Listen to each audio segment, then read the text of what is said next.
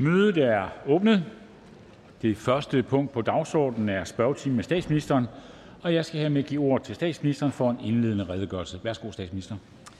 Tak for det. I går blev Europadagen markeret i hele Europa. Overalt blev monumenter og bygninger lyst op i Ukraines farver. Det europæiske samarbejde er fredens projekt. Og kontrasten til gårsdagens militærparader i Putins Rusland er markant. Verden er forandret, og det er derfor, vi beder danskerne om at gå til stemmeurnerne den 1. juni. Debatten er nu rigtig i gang i hele landet. For mig handler den her afstemning jo grundlæggende om, hvad det er for et land, vi gerne vil være. Danmark er i dag det eneste land ud af 27 medlemslande, som ikke fuldt ud kan være med i det europæiske forsvars- og sikkerhedssamarbejde. Skal vi i et forandret Europa kunne deltage fuldt ud i Europas sikkerheds- og forsvarssamarbejde, eller skal vi stå udenfor og overlade ansvaret til andre? Svaret synes jeg er indlysende, fordi den sikkerhedspolitiske situation er forandret og nok aldrig bliver den samme igen. Og forudsætningerne for vores samarbejde med vores allierede er også forandret. Kravene til Europa og EU er forandret. NATO er garanten for vores sikkerhed. Sådan er det, og sådan vil det altid være. Men vi er i en ny virkelighed. Og her skal Danmark være med og tage ansvar. Det gælder både i NATO og i EU. Ligesom vi allerede har meldt os klar til at tage øh, de første skridt, når det handler om genopbygning af Ukraine. Vi har i samarbejde med Dansk Erhvervsliv allerede sendt de første maskiner afsted til at hjælpe med den konkrete oprydning i de krigsramte byer. Alle mærker konsekvenserne af krigen, ikke mindst på pengepunkten. Helt nye tal viser, at forbrugerpriserne er steget med 6,7 procent i april. Det er den højeste inflation i 37 år. Det betyder også, at der vil være danskere, som får stadig svært ved at få deres privatøkonomi til at hænge sammen. De høje energipriser og stigende inflation. Vi kan ikke holde alle skadesfri, langt fra. Det har regeringen sagt fra starten. Men det er stadigvæk vores holdning, at vi bør yde en målrettet hjælp så vi også løser den her krise solidarisk. Derfor har vi foreslået et indgangsbeløb på 5.000 kroner skattefrit til de pensionister, der har mindst. Jeg har egentlig lyttet mig til, at der er bred opbakning til ideen om en målrettet hjælp til de pensionister, der har mindst. Det vil jeg gerne kvittere for. Jeg vil også gerne takke for andre forslag, der har været. Forslag fra en række forskellige partier om, hvordan vi hjælper bedst og mest målrettet. Under forhandlingerne er der efterlyst en anden finansiering. Det har vi lyttet til. Regeringen foreslår derfor, at pengene til den målrettede hjælp til pensionisterne findes ved at nedjustere de offentlige investeringer i år og næste år. Jeg håber, der kan forhandles videre på det grundlag. For udgangspunktet er heldigvis godt. Dansk økonomi er stærk. Sidste år havde vi den højeste vækst i 27 år, den højeste beskæftigelse nogensinde og den laveste arbejdsløshed i 13 år. Under corona vil nogen kunne huske, at vi havde øh, lange diskussioner omkring gæld. Var det ansvarligt at holde hånden under dansk økonomi i det omfang, som regeringen mente, vi skulle gøre? Jeg synes, resultaterne i dag taler for sig selv. Den offentlige gæld i Danmark er lav. Det er den både i et internationalt perspektiv, men det er den også i et historisk perspektiv. Og gælden faldt kraftigt i 2021 i takt med det høje tempo i dansk økonomi. Danmark er det eneste land, eller det land i EU, der har det største offentlige overskud i 2021. Det er rigtig godt gået. Og vi er faktisk et af de eneste lande i EU, der havde overskud på de offentlige finanser sidste år. Det er godt gået. Det ændrer ikke på, at der øh, også fortsat er behov for skarpe prioriteringer, nye reformer Dansk økonomi skal gøres endnu stærkere, og flere mennesker skal i arbejde. Derfor præsenterer regeringen efter sommerferien en 2030-plan for dansk økonomi, hvor finanspolitikken er holdbar. Men hvis vi skal have en diskussion om den økonomiske politik, og det hilser jeg velkommen, så bør det være på et oplyst grundlag. Og lad mig derfor til sidst i dag opfordre oppositionen til også snart at fremlægge en sammenhængende økonomisk politik. Tak til statsministeren. Så går vi i gang med partilederrunden. Først er der op til to minutter til spørger og til statsminister, og derefter to gange et minut. Værsgo til hr. Jakob Ellemann Jensen, Venstre. Tak for det, øh, og tak til statsministeren. Øhm, Jeg vil gerne øh, bevæge mig et andet sted hen, og jeg vil egentlig gerne bruge spørgetimen i dag på en sag, som burde øh, optage alle medlemmer af Folketinget noget mere, end den gør. Øh, nemlig sigtelsen af Claus Hort Frederiksen for landsforræderi. En meget, meget alvorlig forbrydelse, øh, som fordi den er så alvorlig, kan give op til 12 år i fængsel. Det er en af vores kolleger herinde, øh, som er sigtet for landsforræderi. En mand, der har videt hele sit liv til dansk politik og til Danmark. Efterforskningen den er afsluttet. Det er ved at være et halvt års tid siden, at sigtelsen den blev rejst. Efterforskningen den er afsluttet. Øh, alligevel så er det som om, der ikke rigtig sker noget. Der er brug for at få en afklaring i den her sag. Der må være en grænse for, hvor længe et medlem af Folketinget kan have en så alvorlig anklage hængende over hovedet. En anklage, som sværter hans gode navn og rygte til, både herhjemme og i udlandet. Og derfor så har vi jo stillet 70 spørgsmål til regeringen om den her sag. Vi er ikke blevet klogere. Vi har ikke fået nogen svar fra hverken justitsministeren eller fra statsministeren, øhm, selvom svarfristen den er overskrevet. Så nu må jeg jo spørge her. Hvordan har statsministeren været indblandet i beslutningen om at rejse sigtelse mod hr. Claus Hjort Frederiksen for landsforræderi? Statsminister. Ja, tak for det spørgsmål. Øh, regeringen er generelt tilbageholdende med at kommentere på konkrete sager, der kører i vores retssystem, og det vil vi også være i den her sag. Jakob Jensen. Jeg beder ikke øh, statsministeren om at kommentere på sager, der kører.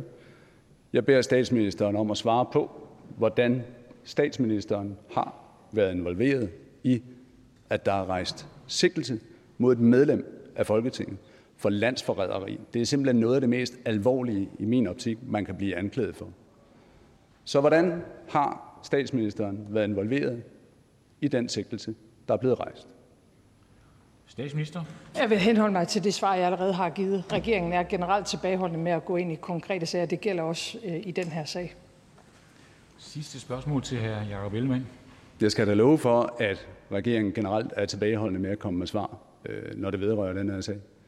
Øh, ikke desto mindre så er der jo bred enighed om, blandt alle de mennesker, der ved noget om den her slags, at selvfølgelig har regeringen været orienteret om det her. Selvfølgelig har regeringen truffet beslutning om det her. Det er ikke sådan, så vi i en retsstat som Danmark har en, en offentlig myndighed, som pludselig mener, at de skal rejse sigtelse mod et medlem af Folketinget. Det er noget, som regeringen har været ind over. Det, som regeringen også skal ind over, det er spørgsmålet om, hvorvidt der skal rejses tiltale. Efterforskningen er afsluttet. Det er simpelthen uværdigt for en retsstat at have sådan noget hængende. Hvornår træffer regeringen beslutning om, om den ønsker at tiltale hr. Claus Hjort Frederiksen for landsforræderi? Statsminister. Øh, jeg beklager, at svaret øh, bliver det samme. Altså, øh, den her regering er i lighed med andre regeringer tilbageholdende med at gå ind i konkrete både personsager, men, men jo i allerhøjeste grad også sager, der kører i det danske retssystem. Og derfor vil jeg ikke gå ind i en diskussion heller af den konkrete sag. Tak for det. Spørgsmålet er slut. Og det betyder, at vi går videre til fru Pia Olsen Dyr. SF, værsgo. Tak. Vi har jo som Centrum Venstre faktisk ledt Danmark i snart tre år. Det er tre år siden, vi havde folketingsvalg, og der er sket meget godt i Danmark. Vi har fået flyttet retningen over i en grønnere, en rødere retning, en investering i klimaet, mange løsninger i forhold til vedvarende energi, en 70% målsætning, minimumsnummeringer, investeringer i vores fælles sundhedsvæsen. I virkeligheden kan man sige, vi har skiftet retningen for Danmark, og jeg vil gerne kvittere både til det radikale venstre og enhedslisten, men selvfølgelig også til statsministerens eget parti, for at vi i den grad har fået Danmark tilbage på sporet. Jeg synes, vi har nået rigtig meget godt, men der er også ting, vi ikke har nået endnu. Og der vil jeg gerne nævne et element, som øh, jeg synes øh, særligt springer i øjnene, nemlig 10 års psykiatriplan. Vi har rigtig mange mennesker, der har ondt i livet. Hvis du har brækket et ben og kommer på hospitalet, så fikser vi det. Hvis man knækker psyken, er man ikke på samme måde sikret behandling. Og jo længere tid der går, jo mere ved vi, at det bliver alvorligt for folk. Der er simpelthen mennesker, der lever rigtig ringe liv i Danmark, fordi de har en psykisk lidelse. Det er både børn, det er voksne, og det er tunge problemer, og det er invaliderende problemer. Øh, tillidsmanden for de 56 psykologer i Region Nordjylland, som hedder Maria Holmegård Sækker, siger faktisk i dagspressen det her om sit arbejde. Det føles lidt som at arbejde på en Toyota-fabrik. Du står i det her pressede system, hvor man hele tiden prøver at yde sit bedste, men godt kan se, det er alt, alt for lidt. Det, der sker, er, at folk yder ekstra i skyggen, løber endnu stærkere, bøjer reglerne for patientens skyld, og vi holder ikke til det i længden. Og patienten har ikke gavn af det. Citat slut. Det er selvfølgelig ikke godt nok. Og derfor, jo mere vi venter, jo længere tid der går, hvor vi ikke får lavet en 10-års psykiatriplan, så er det et kæmpe problem. Så tilmodigheden fra SF's side er brugt op, og jeg vil gerne spørge, om statsministeren i dag vil garantere, at regeringen råber nej, når vi kommer i gang med en 10-års psykiatriplan. Statsminister, værsgo. Ja, det har vi aftalt med hinanden, øh, vi skal, og det har vi jo, fordi vi har en, en fælles interesse i at få løst nogle af de udfordringer, der er øh, i psykiatrien. Det, det har jo været velkendt igennem mange år, at øh, hvis man havde en, en fysisk sygdom, så var der færre tabuer øh, Øh, og nogle meget etablerede øh, patientrettigheder. Øh, hvorimod hvis man var indlagt i psykiatrien eller havde behov for et eller andet form for tilbud på psykiatriens område, så kunne det være sværere, både på grund af tabuerne og kultur, men, men også på grund af prioriteringerne. Og det har vi jo været i gang med i fællesskab at få rettet op på at afsætte nogle flere penge til psykiatrien. Jeg kan godt tænke mig i den her forbindelse også sige, at jeg håber virkelig, at vi kan blive enige om, at vi skal have lavet et langt større tryk og en langt større indsats, inden problemerne vokser så store, at man har behov for et tilbud i psykiatrien. Øh, og det synes jeg ligesom går i, i to forskellige retninger. Et, så tror jeg, at vi kan forebygge rigtig meget øh, i civilsamfundet, øh, med, altså, i virkeligheden, så man ikke behøver at komme ind i et sundhedsvæsen. Men det andet er nok også, at vi skal tænke over, hvordan vi som samfund sikrer, at vores børn og unge bliver robuste nok til at kunne klare livet. Fordi det er svært at leve, eller det kan i hvert fald være det. Og, og, og der er jo en sårbarhed i vores tid, som er en meget, meget stor udfordring for mange børn og unge, men som jo er et, et samfundsproblem, vi skal have håndteret. For at gøre en lang historie kort, vi er enige om, at vi gerne vil have en 10-års plan for psykiatrien, og det skal vi have, have lavet i fællesskab. Pia Olsen Dyr. Og inden folketingsvalget. Bare for at sætte det lidt i perspektiv, fordi jeg tror jo, noget af det, der er problemet, det er jo, at vi ser jo ind i både øh, ensomhed, hvad det er, øh, sådan set depression, angst, spise, spiseforstyrrelser og alt muligt andet. Og jeg er sådan set enig med statsministeren i, at vi, jo tidligere vi kan gribe ind, så vi faktisk ikke får store problemer, så folk ikke havner i den reelle psykiatri og i virkeligheden får brug for sengepladser, fordi det er jo sidste instans, det hvor folk er. Men hvis vi kan undgå, at de kommer så langt ud i problemerne. Og en af de ting, man kunne gøre, det er jo lige nu kan vi se, at øh, børn har skoleværing, eller folk, øh, børn øh, ender med at være hjemme hos deres forældre. Det er slidsomt for forældrene, det er også slidsomt for børnene. Og en af de ting, SF foreslog for et år siden, det var, at vi ændrede lovgivningen. Så i stedet for, at man ikke bare kan hjælpe børn, der mistrives, men man derimod skal hjælpe børn, der mistrives, så vi undgår det her. Derfor vil jeg gerne spørge, om statsministeren kan bakke op om det forslag, vi griber børnene, før vi kommer så langt ud og ændrer lovgivningen til skal i stedet for kan. Statsminister. Jamen, jeg er villig til at diskutere mange forskellige ting, men spørgsmålet om ikke vi skal gå et spadestik endnu dybere, fordi vi lever, øh, synes jeg, i en tid, hvor mange af de gamle naturlige fællesskaber bliver færre. Og jeg tror, der er mange af os, mig selv inklusiv, der på grund af det frivillige Danmark har fået løst mange problemer og udfordringer igennem livet. Øh, og, og ikke haft behov for professionel hjælp, eller at systemet så at sige er gået i gang, fordi så har man siddet i omklædningsrummet og blevet grebet, altså et billede i talt, grebet af øh, sit fodboldhold eller sit håndboldhold, eller hvem det nu har været, øh, eller for mit vedkommende via øh, FDF eller politisk ungdomsarbejde. Og jeg tror, vi, vi inden vi gør det, gør det kun til en systemdiskussion, efterlyser jeg også en lidt mere grundlæggende kulturdiskussion. Fordi jeg tror, vi mennesker kan rigtig meget for og med hinanden i de tætte relationer, så man slet ikke har behov for behandling i virkeligheden. Men, men de naturlige relationer og fællesskaber bliver jo færre og færre, færre, og færre og færre børn deltager i dem. Så mm, jeg vil meget gerne være med til at diskutere forebyggelse, men jeg tror faktisk, at vi skal gå et spadestik endnu dybere. Det er jo sidste spørgsmål. Værsgo. Men det det er vi sådan set villige til i SF, fordi vi ser det i virkeligheden som, det er ikke kun sengepladser, det er heller ikke øh, socialpsykiatrien ude i kommunerne, det er i virkeligheden også noget af det, der sker i det frivillige liv. Altså, jeg ved ikke, hvor jeg havde været i dag, hvis det ikke havde været på grund af mit, øh, mit forhold til folkekirken, for den sags skyld. Så der er jo rigtig mange instanser, der skal i spil. Det er egentlig også det, jeg ser, der skal være en 10-års psykiatriplan. Netop, at vi kigger på sammenhængene, ikke kun på systemet, men i virkeligheden også på det enkelte menneske. Og det er i virkeligheden det, vi lægger op til, at det skal vi i gang med at forhandle nu. Det skal ikke vente til efter et folketingsvalg. For selvom vi har et forståelsespapir og sagt, selvfølgelig skal vi gøre de ting, der ligger i forståelsespapiret, så er min bekymring oprigtigt, at på grund af corona, på grund af mange andre presserende ting i et sundhedsministerium, så er det her kommet længst tilbage i køen. Forståeligt nok, nu er det bare tiden til, at vi får sat tempo på den proces, og det vil jeg gerne i virkeligheden slutte af med at sige til statsministeren. Kan statsministeren skubbe lidt til sundhedsministeren, så det kommer til at gå lidt hurtigere? Statsminister. Jeg har aldrig oplevet at have behov for at skubbe øh, til vores øh, sundhedsminister, som jeg synes gør et rigtig godt stykke arbejde. Jeg er faktisk heller ikke enig i, at psykiatrien ligesom er rådet bagud øh, i køen på grund af corona. Men vi har jo skulle håndtere mange forskellige sundhedsudfordringer, og det skal vi jo også fremadrettet. Og vi har jo den fælles udfordring, som jo på mange måder er et meget, meget stort privilegium. Vi har næsten ingen arbejdsløshed i Danmark. Den er på 2,5 procent. Og det betyder jo, at vi skal tænke i, hvordan kan vi forbedre Øh, de dele af vores velfærdssamfund, som vi i øvrigt er enige i og enige om, skal forbedres, uden at ansætte en masse flere medarbejdere, fordi de findes simpelthen ikke. Det, det er jo en af vores helt store udfordringer. Men det er nu ikke derfor, jeg er så optaget af det med, det med den helt tidlige forebyggelse. Det er mere fordi, at jeg er optaget af, hvordan vi med sådan empowerment, øh, det frivillige Danmark, foreningsdanmark, får tænkt i at gøre os stærkere som mennesker, så vi kan klare den modgang, som de fleste af os kommer til at opleve, uden at det skal sætte sig i, at man får en psykiatrisk lidelse eller får et, et mere sådan systemisk behov. Når det er sagt, så er der jo mennesker, der har behov for professionel hjælp, og der, den skal selvfølgelig være der. Tak til fru Pia Olsen Dyr. Spørgsmålet er slut, og så går vi videre til fru Sofie Carsten Nielsen, Radikale Venstre. Tak. Prisstigningerne, dem tror jeg øh, faktisk næsten vi alle sammen øh, kan mærke nu. Og det er klart, at mennesker med færre penge end gennemsnittet kan især mærke det.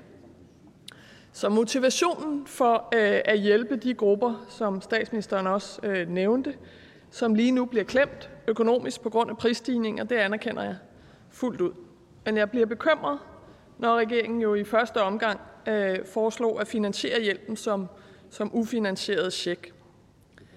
Det bekymrer mig, når vi tager udgangspunkt i, øh, i kortsigtede økonomiske løsninger og risikerer at hælde mere benzin på bålet. Jeg er bekymret for, at man sådan i, i iveren jo for at hjælpe kan gøre tingene endnu værre og skabe forventninger om, at vi aldrig mere skal spare for eksempel for at få enderne øh, til at mødes. Så jeg, jeg indleder og spørger også sådan her, fordi jo både overvismanden og, og senest Nationalbanken, siden regeringen præsenterede forslaget til kompensation til nogle udvalgte øh, indkomstgrupper, advarer mod, at vi politisk bevæger os i en farlig øh, spiral fra vi budgetloven, men også øger inflationen. Og den bekymring, den, den deler jeg. Og det er derfor, jeg vil spørge statsministeren, om ikke også statsministeren deler nogle af de bekymringer, som Nationalbanken og, og overvismanden har, har fremført, at vi kan risikere at skabe endnu mere inflation med uddeling af check. Statsminister?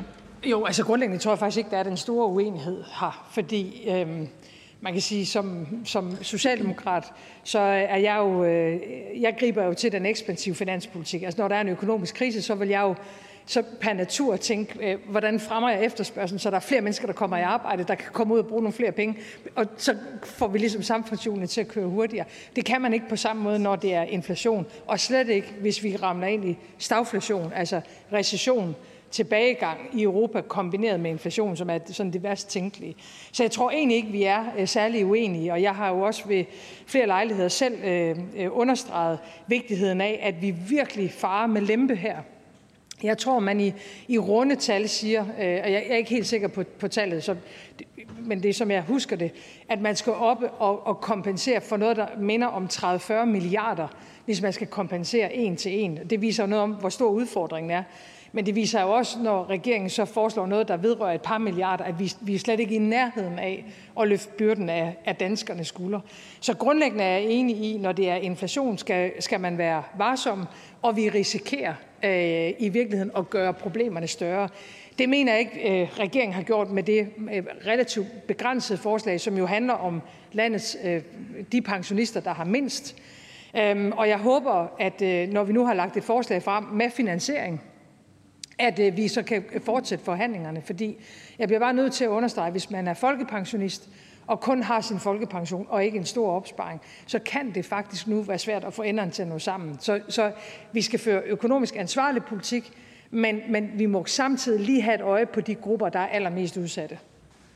Nielsen, værsgo. Ja, jeg vil også gerne øh, kvittere for, at regeringen og finansministeren nu har fundet øh, nogle øh, andre øh, reelle finansieringsmuligheder. Men, men grundlæggende så løser det bare ikke fortsat den, den store udfordring, fordi hvad gør vi så? Og jeg synes bare, det er en, det er en samtale værd. Altså, hvad gør vi så om tre måneder, eller om seks måneder, eller et år fra nu, hvis, hvis inflationen fortsat er, er høj?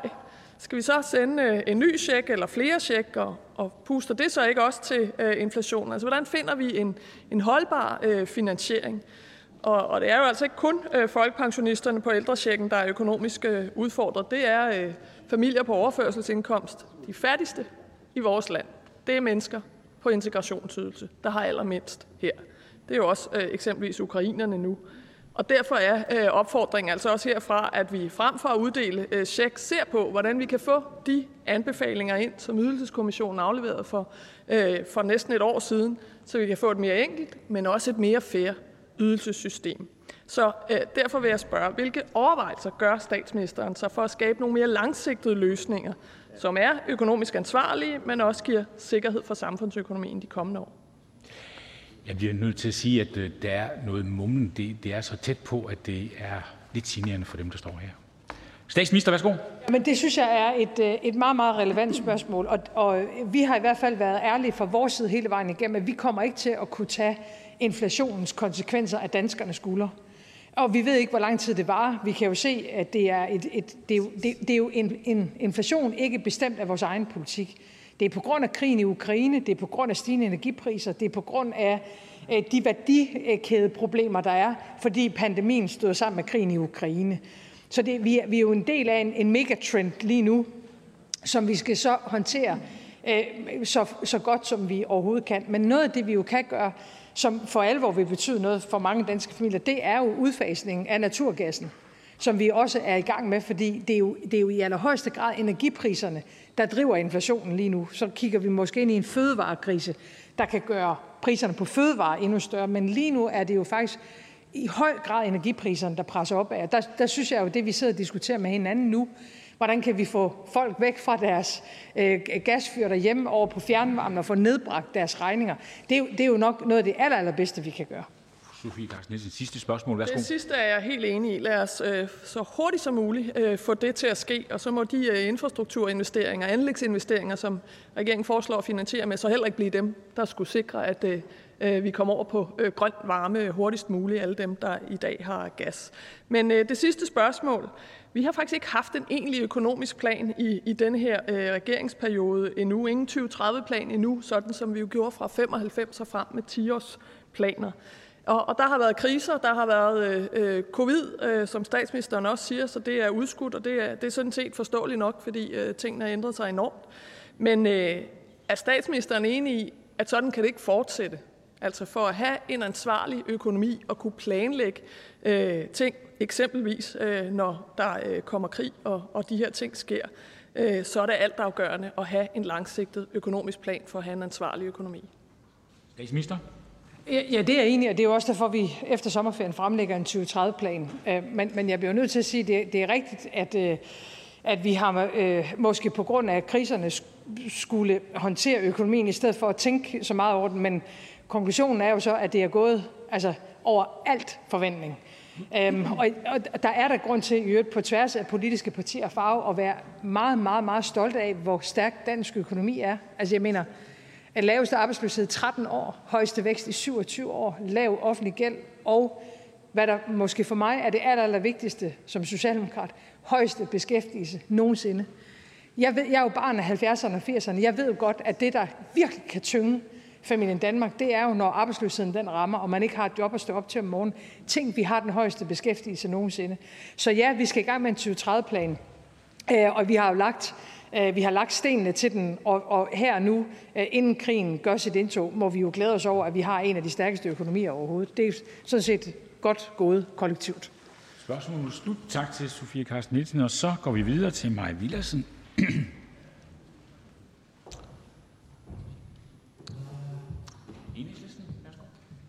Tak for det. I dag vil jeg gerne spørge om regeringens planer om et såkaldt modtagscenter i Rwanda. Regeringen drømmer jo om at oprette sådan et, øh, hvor man vil flyve flygtninge, der er i Danmark og har søgt asyl 6.200 km sydpå. Og selv hvis de får asyl i Danmark, så er planen, at de skal blive dernede. Rwanda er geografisk halvt så stort som Danmark, men har alligevel 75.000 flygtninge fra deres ene naboland, 130.000 flygtninge i alt allerede. FN's flygtningeorganisation, som hjælper med at drive flygtningelejre dernede, siger, at de allerede har så store problemer med at magte opgaven, at man på det kraftigste fraråder at lave sådan et modtagscenter. Argumentationen, sådan som jeg hører det fra regeringen, er, at man vil redde flygtninge fra druknedøden i Middelhavet. Men det tror jeg simpelthen ikke på. Det tror vores nabolande på, det tror EU-kommissionen heller ikke på. De siger, at det udelukkende vil betyde, at Danmark modtager færre flygtninge, men vores nabolande kommer til at modtage flere. Og det får mig til mit spørgsmål. For statsministeren rejser rundt lige nu og snakker om, at tiden er til sammenhold. Men samtidig så vil man gøre det her, køre hvad jeg mener er et solorit, måske udelukkende sammen med Boris Johnson, i en tid, hvor statsministeren prædiker sammenhold. Hvad er der af sammenhold i det?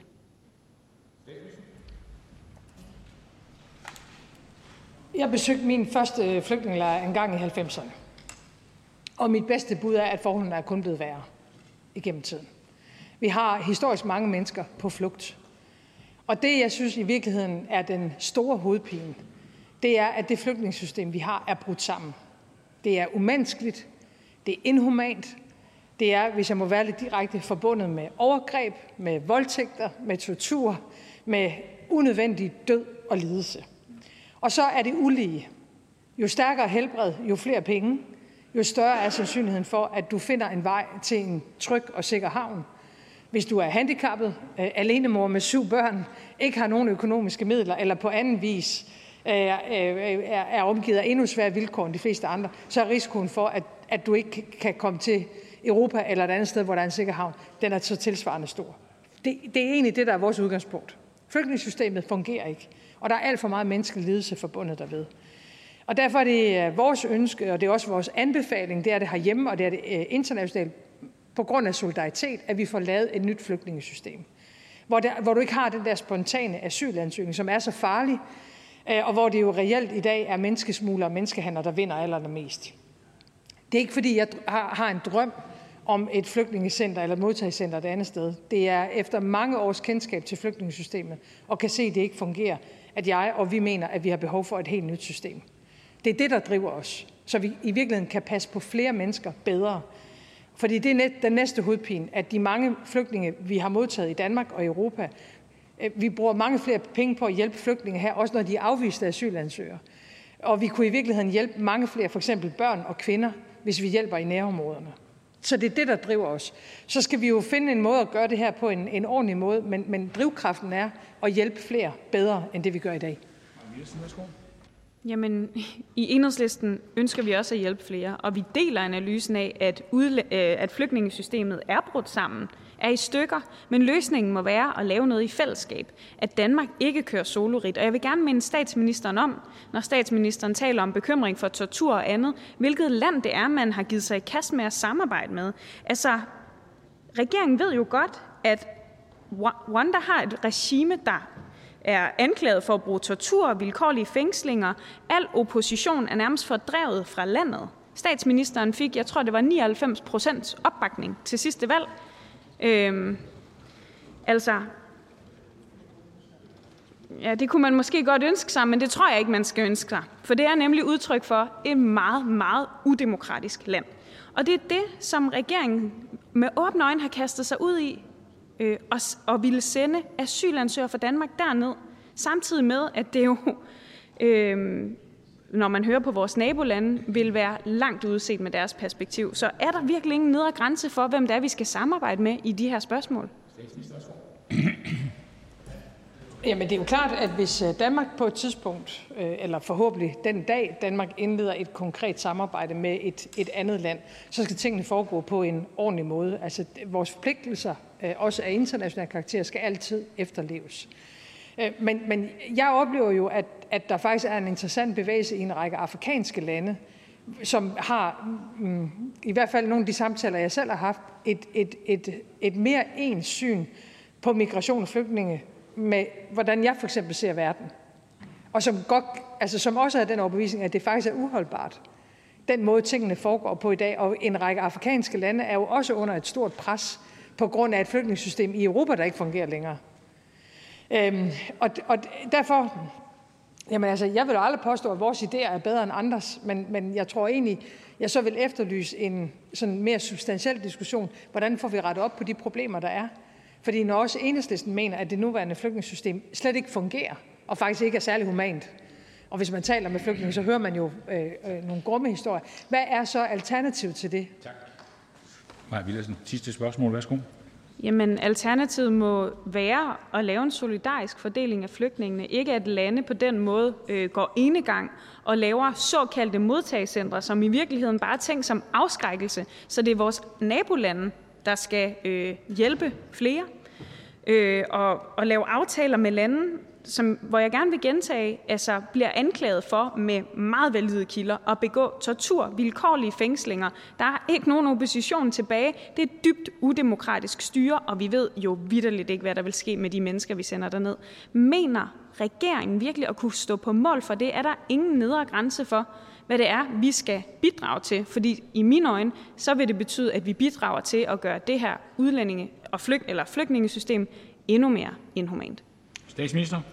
Men det er jo interessant, det der med nedre grænse. Altså, fordi øh, de mange internt fordrevne i Yemen lige nu, altså det, det er vel egentlig en af de største humanitære katastrofer, der er på jordkloden. Den har bare ikke rigtig nået øh, offentligheden endnu.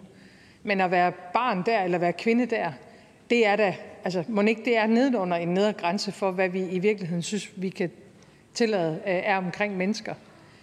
Øh, og det gælder for rigtig mange af verdens flygtninge. Og, og der er jo et moralsk dilemma, synes jeg, for alle os her i Folketinget, at det flygtningesystem, der er i dag, det er det dyreste. Af, det, det er inhumant, og det er rigtig, rigtig, rigtig dyrt.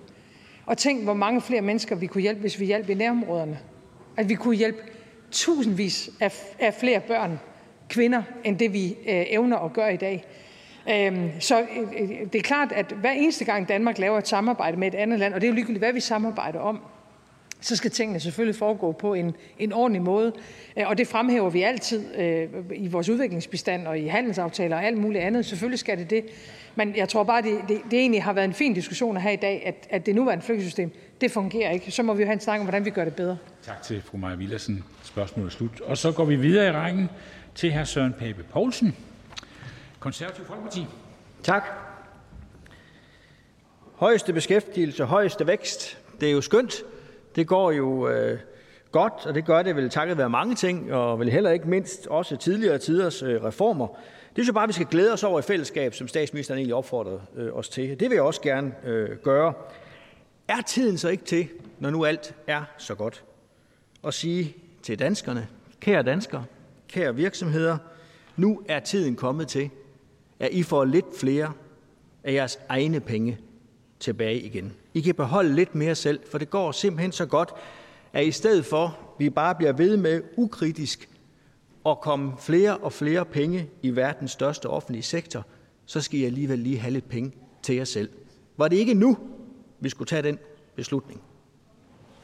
Statsminister?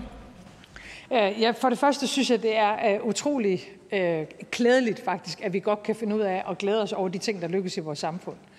Og jeg tror at mange danskere har en forventning om, at vi på tværs af politiske skæld, når noget går godt, at vi så øh, kan stoppe op og glæde os over det, i stedet for at påstå det modsatte. Øh, og derfor skal vi selvfølgelig så også evne, når der er noget, der ikke går godt, og adressere det på en ordentlig måde. Jamen, jeg, jeg gad da sådan set også godt øh, give den der besked. Øh, det vil jeg da sådan set også tro, der var masser af socialdemokratiske vælgere, eller potentielle socialdemokratiske vælgere, der vil øh, elske at få. Men inden vi nu går videre ned ad det spor, så bliver jeg simpelthen nødt til at spørge, hvor er det, pengene skal spares hen?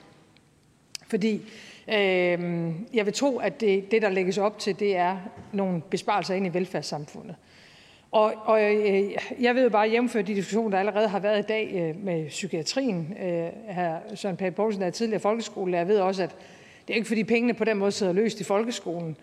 Øh, jeg synes ikke, vi nu har en ældrepleje, der er så god, som jeg mener, den bør være i et velfærdssamfund som vores. Så inden vi nu går helt hen til et ja, så har jeg behov for, og det tror jeg også danskerne har, at vide, hvor er det præcis, der skal skæres i velfærdssamfundet. Fordi begge dele hører med til den konservative idé. Men det er jo en klassisk politisk diskussion, fordi når man ikke lader den offentlige sektor vokse lineært, eller i forhold til demografiske træk, så kalder man det besparelser. Og det synes jeg er en interessant diskussion. Og jeg tror, vi er nødt til på et tidspunkt at have noget mere ærlighed ind i den her debat over for befolkningen. Fordi hvor lang tid kan vi blive ved med at sige til befolkningen, der er ingen grænser. Vi bliver bare ved med ukritisk at pumpe penge ud i en større og større offentlig sektor. Altså kan statsministeren garantere mig, at vi bare ved at pumpe en masse penge ud i ældreplejen, så får vi en bedre ældrepleje?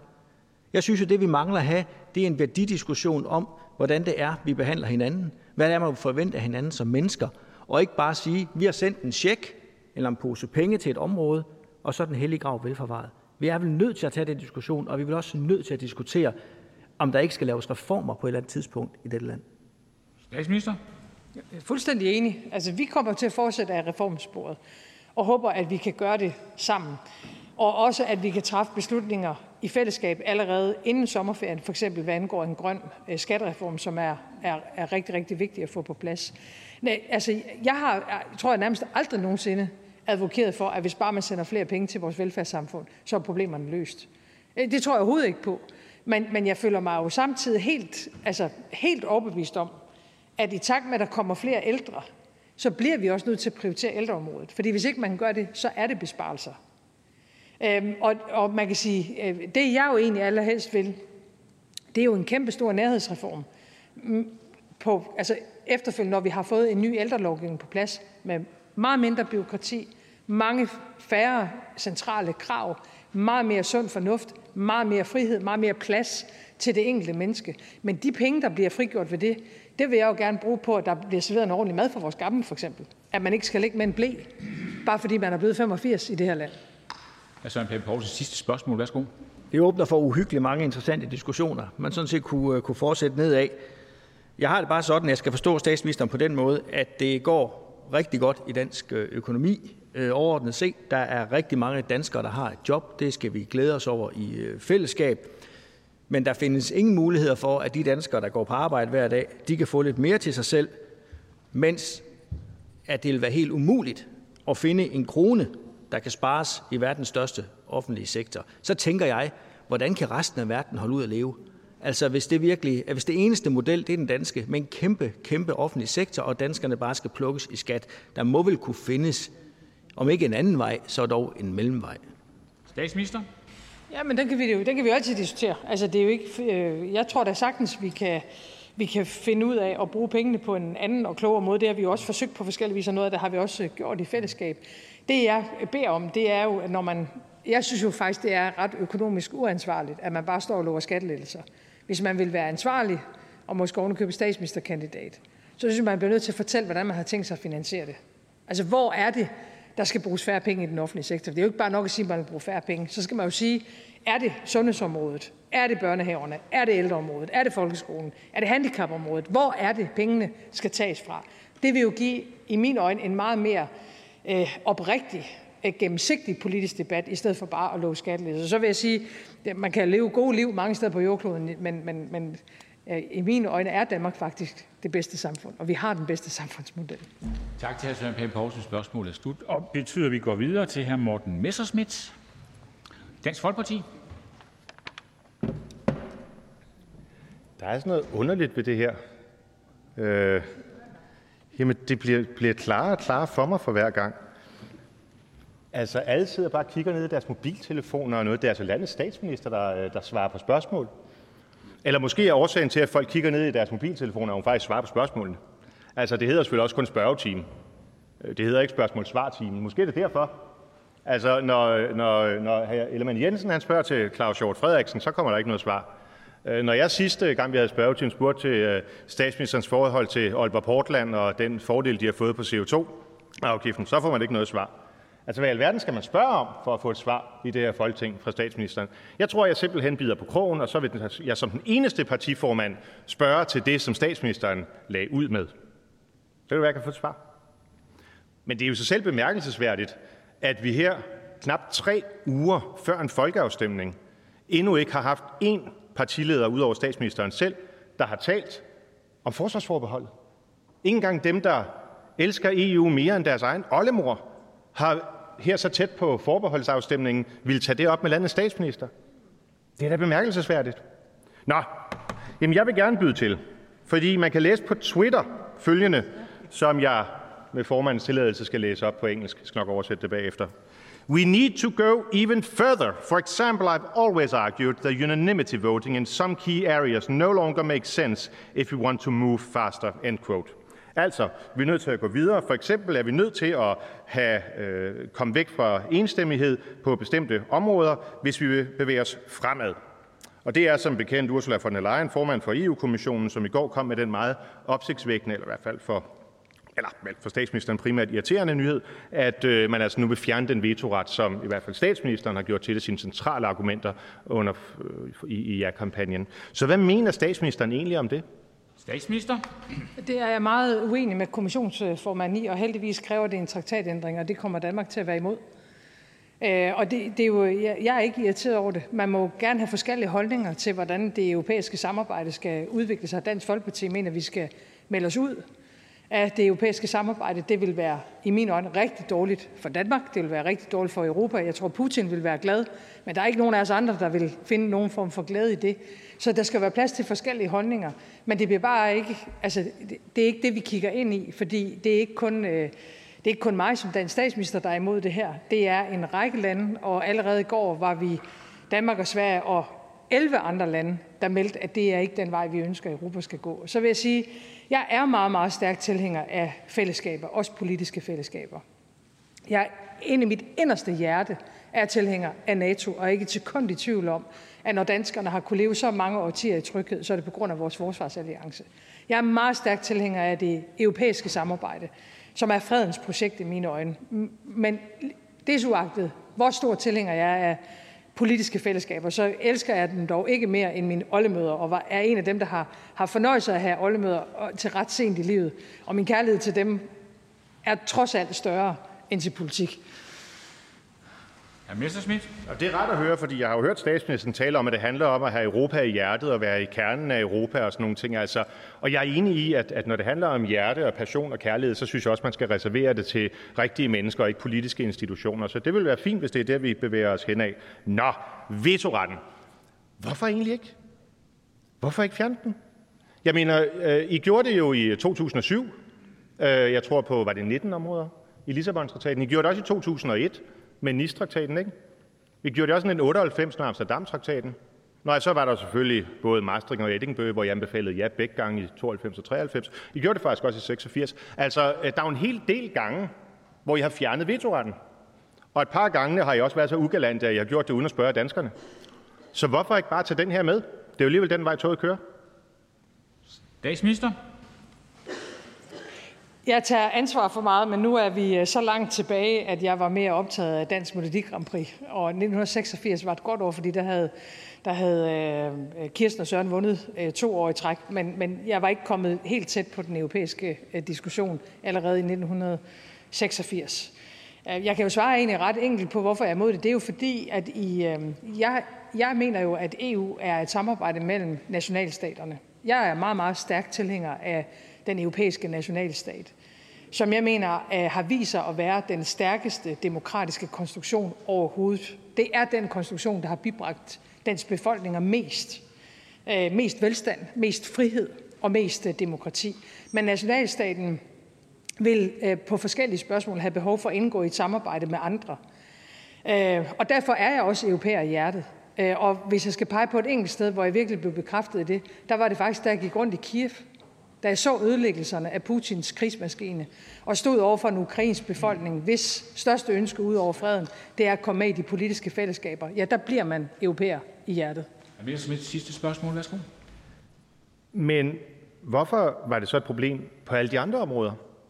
Altså, øh, Danmarks integritet, Danmarks selvstændighed bliver jo også udhulet, når I gennemfører øh, flertalsafgørelser, fjerner vetoretten på retsområdet, eller på miljøområdet, eller industriområdet. Altså, det er jo, altså, der er jo flere sider i Karnov over de områder, hvor jeg har fjernet vetoretten.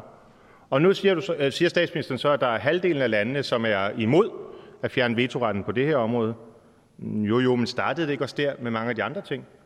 Mm, altså, jeg mindes da i hvert fald i 86 var Socialdemokratiet en af dem, der anbefalede et, et, øh, et skeptisk tilgang til, øh, til fællesvagten. Og sådan har det jo været på andre områder, men alligevel sådan løbende, så spiser man jo hele pakken, kan man sige. Så hvilke garantier kan statsministeren give for, at øh, det ikke også kommer til at ske, når det kommer til vores forsvarspolitik, hvis vel at mærke danskerne ikke holder fast i det? Forbeholdet altså. Statsminister? Ja, altså for mig er det her hjerteblod. Øh, diskussionen om at udsende øh, danske soldater til et konfliktområde, det er en af de øh, sværeste, og det er en af de vigtigste beslutninger, man overhovedet kan træffe som politiker, og den beslutning skal træffes her. Øh, det er min meget, meget, meget klare overbevisning. Øh, den skal træffes her. Det er os, der skal stå til ansvar over for danskerne, men det er i særdeleshed os, der skal stå til ansvar over for de mødre og fædre, der skal sende deres døtre eller sønner afsted. Og det her siger jeg øh, med, øh, øh, skal jeg ikke lige skue på, med ret stor følelse, fordi jeg selv er pårørende øh, til veteraner. Øh, og beslutningen om at tage ud i en konflikt kan være en rigtig beslutning og en nødvendig beslutning. Jeg er ikke i tvivl om, at der kommer flere konflikter, som vi skal forholde os til og engagere os i af hensyn til civilbefolkninger og af hensyn til vores egen sikkerhed. Men beslutninger om danske soldater, det mener jeg skal træffes her i Folketinget. Tak fordi. Spørgsmålet er slut. Tak til hr. Morten Messerschmidt. Og nu er det fru Pernille Vermund, Nye Borgerlige. Værsgo. Tak for det. Statsministeren er verdensmester i at undlade at stille eller svare på de spørgsmål, der bliver stillet, men lad mig alligevel prøve her. Den 26. april, da vi mødtes sidst her i Folketingssalen, der diskuterede vi vindmøller og kernekraft. Den diskussion den endte med et løfte fra statsministeren om at spørge danskerne til råd. Statsministeren ville gerne have mange tusind flere vindmøller på land. Jeg vil gerne have dem ud på havet, hvis vi overhovedet skal have flere. Og så vil jeg gerne have kernekraft til at indgå i den danske energiplanlægning. Kernekraft vil statsministeren slet ikke høre tale om, og statsministeren var i sidste spørgetime så overbevist om at have danskerne med sig, at statsministeren lovede at tage udfordringen op og spørge danskerne til råds. Og helt præcist sagde statsministeren, og jeg citerer, denne her udfordring tager jeg faktisk gerne op. At vi spørger danskerne, om de så helst vil have et atomkraftværk, hvor de bor, eller om de vil have en vindmølle. Jeg må sige for eget vedkommende, at jeg hellere vil have, jeg ved ikke hvor mange vindmøller, end jeg vil have et atomkraftværk. Citat slut. Jeg har siden da forgæves forsøgt at få et svar fra statsministeren på, hvordan og hvornår regeringen agter at opfylde løftet om at spørge danskerne. Min henvendelse til statsministeriet det, øh, den resulterede bare i sådan et lidt lakonisk svar fra en embedsmand, øh, som sagde, at statsministeren ikke er i stand til at besvare spørgsmålet. Ah, tænkte jeg, det er nok ikke helt rigtigt. Så enkelte spørgsmål kan statsministeren selvfølgelig godt svare på. Det handler nok mere om vilje. Så jeg prøver igen i håbet om at få et reelt svar. Hvornår og hvordan vil statsministeren opfylde sit løfte og afholde en folkeafstemning om valget om flere vindmøller på land eller kernekraft, så man kan spørge danskerne, som statsministeren lovede for 14 dage siden? Statsminister. Jeg tror, det er vigtigt at sige, at øh, jeg har ikke øh, lovet en øh, folkeafstemning. Jeg vil heller ikke være tilhænger af den. Jeg er meget, meget stærk tilhænger af det repræsentative demokrati. Jeg tror på folkestyret i al dens øh, mulighed, og selvfølgelig også en gang med i dens øh, begrænsninger. Øh, og, og det er i mine øjne den måde, man spørger danskerne på. Det er, når danskerne går til stemmeurnerne, så er, er det danskerne, der afgør, hvad det er for en regering, der har ansvaret i det her land, og hvad det er for en politik, der føres. Nu er der under et, øh, et år øh, til, at folketingsvalget skal udskrives, og jeg synes da, at det her er et oplagt tema at tage med ind i den valgkamp, om man vil have atomkraft, eller man vil have vedvarende energi. Øhm, når jeg er optaget af, at vi får mere vedvarende energi, så er det selvfølgelig både på grund af klimaet, det siger sig selv, men det er også fordi, jeg ønsker at blive fri af Putins gas og fossile brændstoffer. Det er et problem for Europa, at vi køber gas og olie og kul af Putin. Det er et problem. Og jo før vi gør os fri af det, jo bedre af hensyn til Ukraine og af hensyn til Europa. Så når vi øh, foreslår fra regeringens side, at vi skal have mere vindenergi på havet, mere vindenergi på land og mere solenergi, så er det for at gøre os fri af Putins gas så hurtigt som overhovedet muligt. Statsministeren sagde, da vi mødtes sidst, at statsministeren ville spørge danskerne. Men statsministeren vil åbenbart ikke have svaret. Man skal altså ikke love noget, som man ikke har tænkt sig at holde, og slet ikke, hvis man er politiker. Statsministeren er desværre lige så god til at undlade at svare på spørgsmål, som statsministeren er god til at love et og bagefter gøre ingenting. Før valget lovede statsministeren og Socialdemokratiet for eksempel en løsning på en helt uholdbar situation, vi har omkring udrejsecentret Kærsudgård. Det er der ikke gjort noget ved. Nu kan vi læse i den seneste terrorvurdering fra PT, at der udgår en direkte terrortrussel fra Kærsudgård. De udviste muslimer de radikaliseres. Udover chikane, vold og tyverier i lokalområdet, så risikerer danskerne nu, nu også islamisk terror på dansk jord, fordi regeringen ser til uden at gøre noget. Det kan man ikke bare ignorere. Hvordan vil regeringen, statsministeren, konkret sørge for at fjerne denne her trussel mod danskernes sikkerhed? Statsminister. Altså alle partier, det er jo ligegyldigt, om man sidder i regeringen eller man øh, er i opposition, vil jo altid være begrænset af, om man kan få 90 mandater for sin politik. Og som det er spørgeren bekendt, så har vi jo forsøgt at finde en anden løsning omkring udrejsecenter, som der ikke var opbakning til i Folketinget.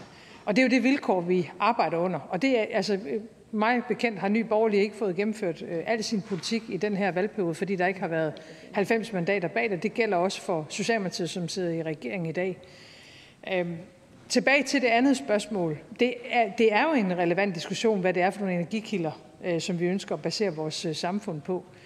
Jeg synes, at atomkraften har alt for mange øh, udfordringer i sig og for sig. Øhm, og derfor øh, er jeg da egentlig glad for, at det her tema bliver øh, og kommer ind i øh, det, det næste folketingsvalg og ind i den næste valgkamp.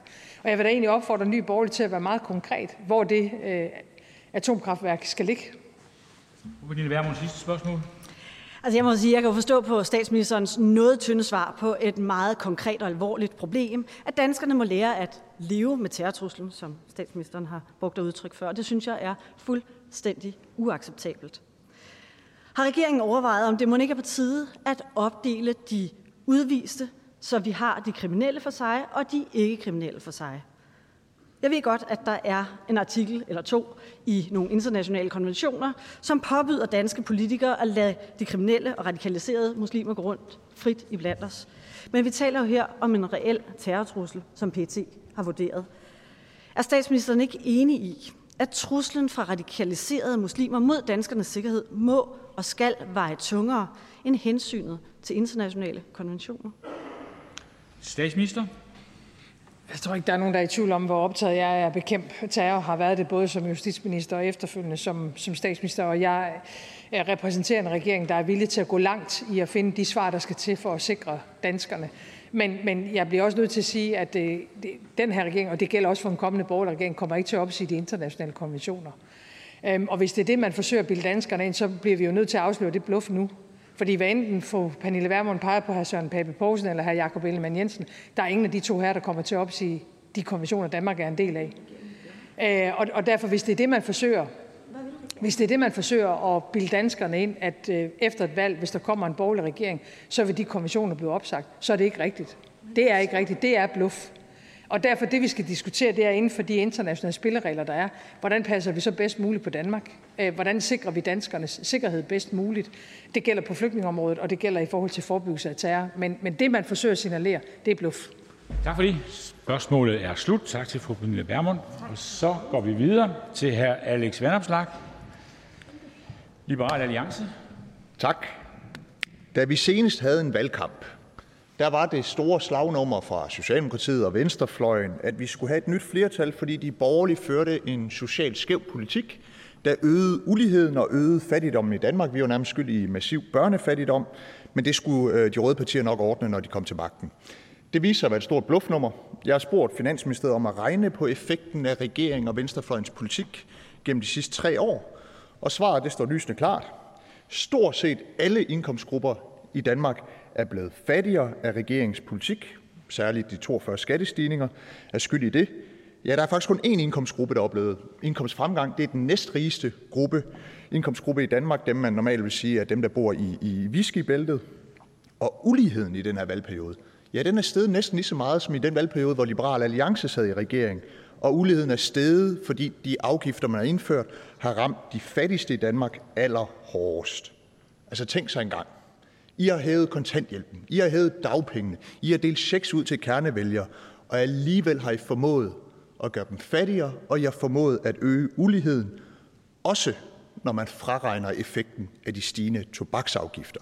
Når man, når man lader være med at regne den med, ja, så er resultatet stadigvæk, at danskerne bliver fattigere, uligheden den stiger. Jeg står med tanden her fra Finansministeriet. Det er ikke noget, jeg, jeg bare hiver ud af, af bagdelen.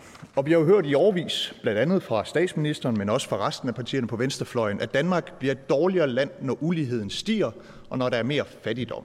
Så mit spørgsmål er egentlig ganske enkelt.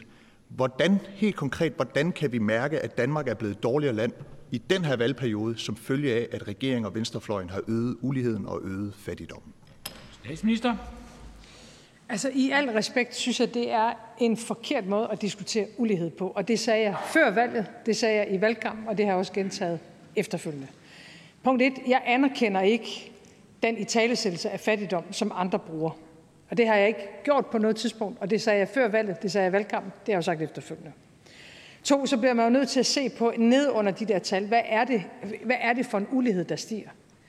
Jeg står fuldstændig på mål for, at jeg synes, det er problematisk, hvis man øh, under en borgerlig regering øh, øh, i meget, meget høj grad tilgodeser nogle af dem, der i forvejen har de højeste indtægter, og lader uligheden stige af den årsag. Det synes jeg stadigvæk er problematisk. Men hvis vi kigger på nogle af de ting, der har været med til øh, i forhold til den opgørelse, der er tale om her, så er det rigtigt nok, det er jo tobaksafgifterne, øh, som, jo, som vi er enige om at indføre mange af os, fordi der er et andet ulighedsproblem, nemlig at det er skævt fordelt, hvem det er, der har de dårligste liv, øh, og i virkeligheden også bliver offer for flest øh, sygdomme. Noget andet, der er tæller med her, det er jo så ændringerne på dimittentdagpenge. Øh, fordi vi vælger, øh, når folk er nyuddannede, at sætte dagpengene ned. Det mener man er en ulighedsskab, og det anerkender jeg jo ikke. Fordi det gør vi også for at få folk hurtigere ud på arbejdsmarkedet. Så, så der er nogle ulighedsmekanismer, som Mm, måske er spændende i teorien, men i virkelighedens verden tæller de i mine øjne nærmest omvendt. Arne-pension er jo et, et tredje eksempel derpå. Så når jeg kigger ned over de økonomiske nøgletal, så er det, jeg starter med at kigge på, det er, hvor mange mennesker er i arbejde. Fordi det er det at have adgang til arbejde og beskæftigelse, der gør om i virkeligheden. Det er nok den enkeltstående vigtigste ting for, om du får et godt liv eller ej, det er, om du har et arbejde. Og med den laveste ledighed i 13 år, højeste beskæftigelse nogensinde, så er det det vigtigste bidrag til et mere lige samfund. Jeg er fuldstændig enig i, at det er vigtigt, at folk er i arbejde, end at uligheden den falder. Men jeg har heller ikke gået til valg på, at uligheden var for stor. Jeg er ikke gået til valg på, at Danmark er for stor til små forskelle. Jeg er ikke gået til valg på at love vælgerne, at jeg vil nedbringe børnefattigdom og mindske uligheden. Og når man ser på regeringspolitik, konsekvenserne for den disponible indkomst, ja, så er resultatet jo bare, uanset hvilke forklaring man har, det er, at alle indkomstgrupper, undtagen nogle få i viskebæltet, er blevet fattigere, og uligheden er steget, fordi de fattigste er blevet endnu fattigere. Men jeg kan så forstå, at det, der gjorde, at det var et problem med den stigende ulighed under et blot flertal, ja, det var, at den kom af, at de rige blev rigere. Og jeg skal bare lige være helt sikker på, at jeg forstår det rigtigt. Altså, ulighed er en fin ting, så længe det rammer de fattigste hårdest, altså at alle bliver fattigere, men de fattigste bliver endnu fattigere. Mens ulighed er et stort problem, hvis alle bliver rigere, men de rigeste bare bliver endnu rigere, så er ulighed et problem. Altså, hvordan skal man forstå det her? Statsminister. Øh, sådan skal man bestemt ikke forstå det. Men i mine øjne er det for en teoretisk måde at betragte vores samfund på. Noget af det, der er sket igennem de senere år, det er jo, at det lykkes os at flytte folk fra kontanthjælp til beskæftigelse. Folk er flyttet ud af kontanthjælp til beskæftigelse. Det er jo det allerbedste, man kan gøre. Hvis man er optaget af børnefattigdom, så er det jo det, man skal gøre. Det er jo ikke at holde folk på de ydelser, direkte eller indirekte. Det er jo at flytte deres forældre til beskæftigelse. Ikke alene på grund af økonomien, men jo også fordi det er for i hvert fald en dels vedkommende meget bedre liv, man lever, når først man er kommet ind på arbejdsmarkedet, på en række forskellige parametre. Så jeg synes, det bliver for, teoretisk og for abstrakt. Og derfor, hvis vi kigger ind i virkelighedens Danmark, så er folk blevet flyttet fra kontanthjælp ind til beskæftigelse. Vi har den laveste ledighed i 13 år. Det betyder, at mennesker, der før var arbejdsløse under den borgerlige regering, de er kommet i arbejde nu. Det er det aller, aller vigtigste, du kan gøre i forhold til ulighed. Og så til sidst, for nu tror jeg, at tiden er gået, bare en appel til, økonomisk ulighed er jo ikke det eneste, man skal kigge på. Det er jo også ulighed i forhold til muligheder i vores samfund, og ikke mindst på sundhedsområdet. Ja, Alex Vanopslagh, sidste spørgsmål. Værsgo. Altså, man plejer jo at sige, at øh, den, den indbyggede fejl i kapitalismen, det er den ulige fordeling af velstand, mens den indbyggede fejl i socialismen, det er den lige fordeling af elendighed. Og jeg kan så forstå, at man skal omskrive teoribøgerne, fordi det viser sig nu, at socialdemokratismens indbygget fejl, det er den ulige fordeling af elendighed. Og jeg mener simpelthen ikke, at statsministeren i tilstrækkelig omfang forholder sig til, at når man vurderer regeringen ikke på konjunktur, ikke på inflation, ikke på alle mulige tendenser, som regeringen ikke kan tage æren eller skylden for, men det, som regeringen kan tage æren eller skylden for, det er effekterne strukturelt af regeringspolitik. Når man spørger Finansministeriet, hvad er effekterne af regeringspolitik, ja, så siger de, at alle indkomstgrupper bliver fattigere, undtagen de næstrigeste. Det gør de i høj grad på grund af skatte- og afgiftsstigninger, og uligheden den stiger. Altså man formår både at gøre danskerne fattigere og øge uligheden. Det er jo egentlig ret imponerende.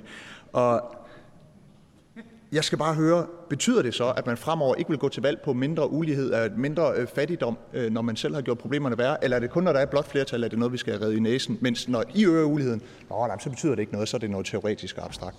Så er det statsministeren.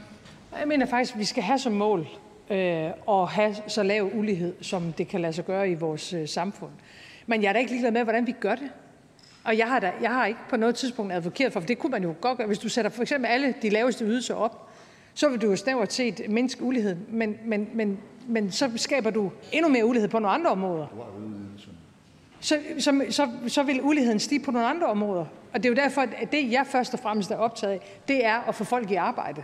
Det er den vigtigste motor i vores samfund. Det er det kulturelt, men det er det også økonomisk. Øh, man kan sige, at den ulighed, der kommer af, at du sætter cigaretprisen op, det er jo en af grundene til, at jeg altid har været mod at sætte den cigaretpris op. Men har jo lavet mig overbevise om, at det er det rigtige at gøre af hensyn til noget andet, nemlig at vi mister alt, alt, alt for mange mennesker i vores samfund til kol, til lungekræft, til kræft i det hele taget, og alt for mange har dårlige liv på grund af det der rygning. Så der må jeg så acceptere en på papiret økonomisk ulighed, og man kan også mærke det, det er jo rigtigt, når man går ned i kiosken eller i supermarkedet, men, men forhåbentlig giver det så noget mere lighed i sundhed og i gode liv. Og det er jo en gang mellem de dilemmaer, vi står overfor. Tak for det. Spørgsmålet er slut. Tak til hr. Alex Vanopslagh. Og så er det hr. Sekander Siddiq, Fri Grønne. Tak for ordet, formand. Tak til statsministeren. Nå, men mine spørgsmål i dag vil kredse om menneskerettigheder. I sidste uge havde statsministeren Indiens premierminister. I sidste uge havde statsministeren Indiens premierminister Modi på statsbesøg i Danmark. Og det var på mange måder en surrealistisk oplevelse. For Modi er mildt sagt en kontroversiel leder. Modi har baggrund i RSS, som er en militant fascistisk organisation, som blandt andet stod bag mordet på Mahatma Gandhi. Modi havde indrejseforbud i USA, fordi han bliver holdt øverst ansvarlig, da han som chief minister i delstaten Gujarat øh, lod tusinder af mennesker blive dræbt, tusinder af muslimer blive dræbt. Modi han øh, står bag øh, undertrykkelsen af sikherne i Indien, Modis styre står bag undertrykkelsen af de kristne i Indien, og Modi står bag, og Modis styre står bag en voldsom undertrykkelse af Kashmirs befolkning i Jammu og Kashmir. Over 10.000 kvinder er blevet voldtaget. Over 100.000 mennesker har mistet livet. De er nu ved at, Modis øh, regering er nu ved at gennemføre en, en befolkningsudskiftning, ligesom Israel gør i Palæstina. Modi står bag voldsomme krænkelser i Jammu og Kashmir. Og derfor er mit spørgsmål til statsministeren. Fordømte statsministeren Indiens og Modis menneskerettighedskrænkelser i Jammu og Kashmir, da Modi var på statsbesøg i Danmark? Statsminister? Tak for det spørgsmål øh, også. Det er en, en del af det intensiveret samarbejde, vi har mellem EU og Indien, at vi selvfølgelig også diskuterer menneskerettigheder. Det gør vi jo øh, i det hele taget på den globale scene. Vi har øh, et meget stærkt ønske i hele Europa om at komme endnu tættere på Indien. Det er i øvrigt et ønske, vi deler også med amerikanerne øh, og andre øh, af vores øh, allierede. Og det besøg, Modi var på i Europa, var jo så først i Berlin, så var det her i København, så var det i Paris, og undervejs i besøget her i København havde øh, Modi øh, og jeg selv mulighed for at møde alle de nordiske statsministre til et nordisk-indisk øh, topmøde. Så vi er enige om i Europa og transatlantisk at styrke vores bånd til Indien. Og det er vi også fortaler for i Danmark. Og det er vi jo, fordi at det, uagtet at der er udfordringer i Indien, så er Indien verdens største demokrati. De har en stærk demokratisk tradition.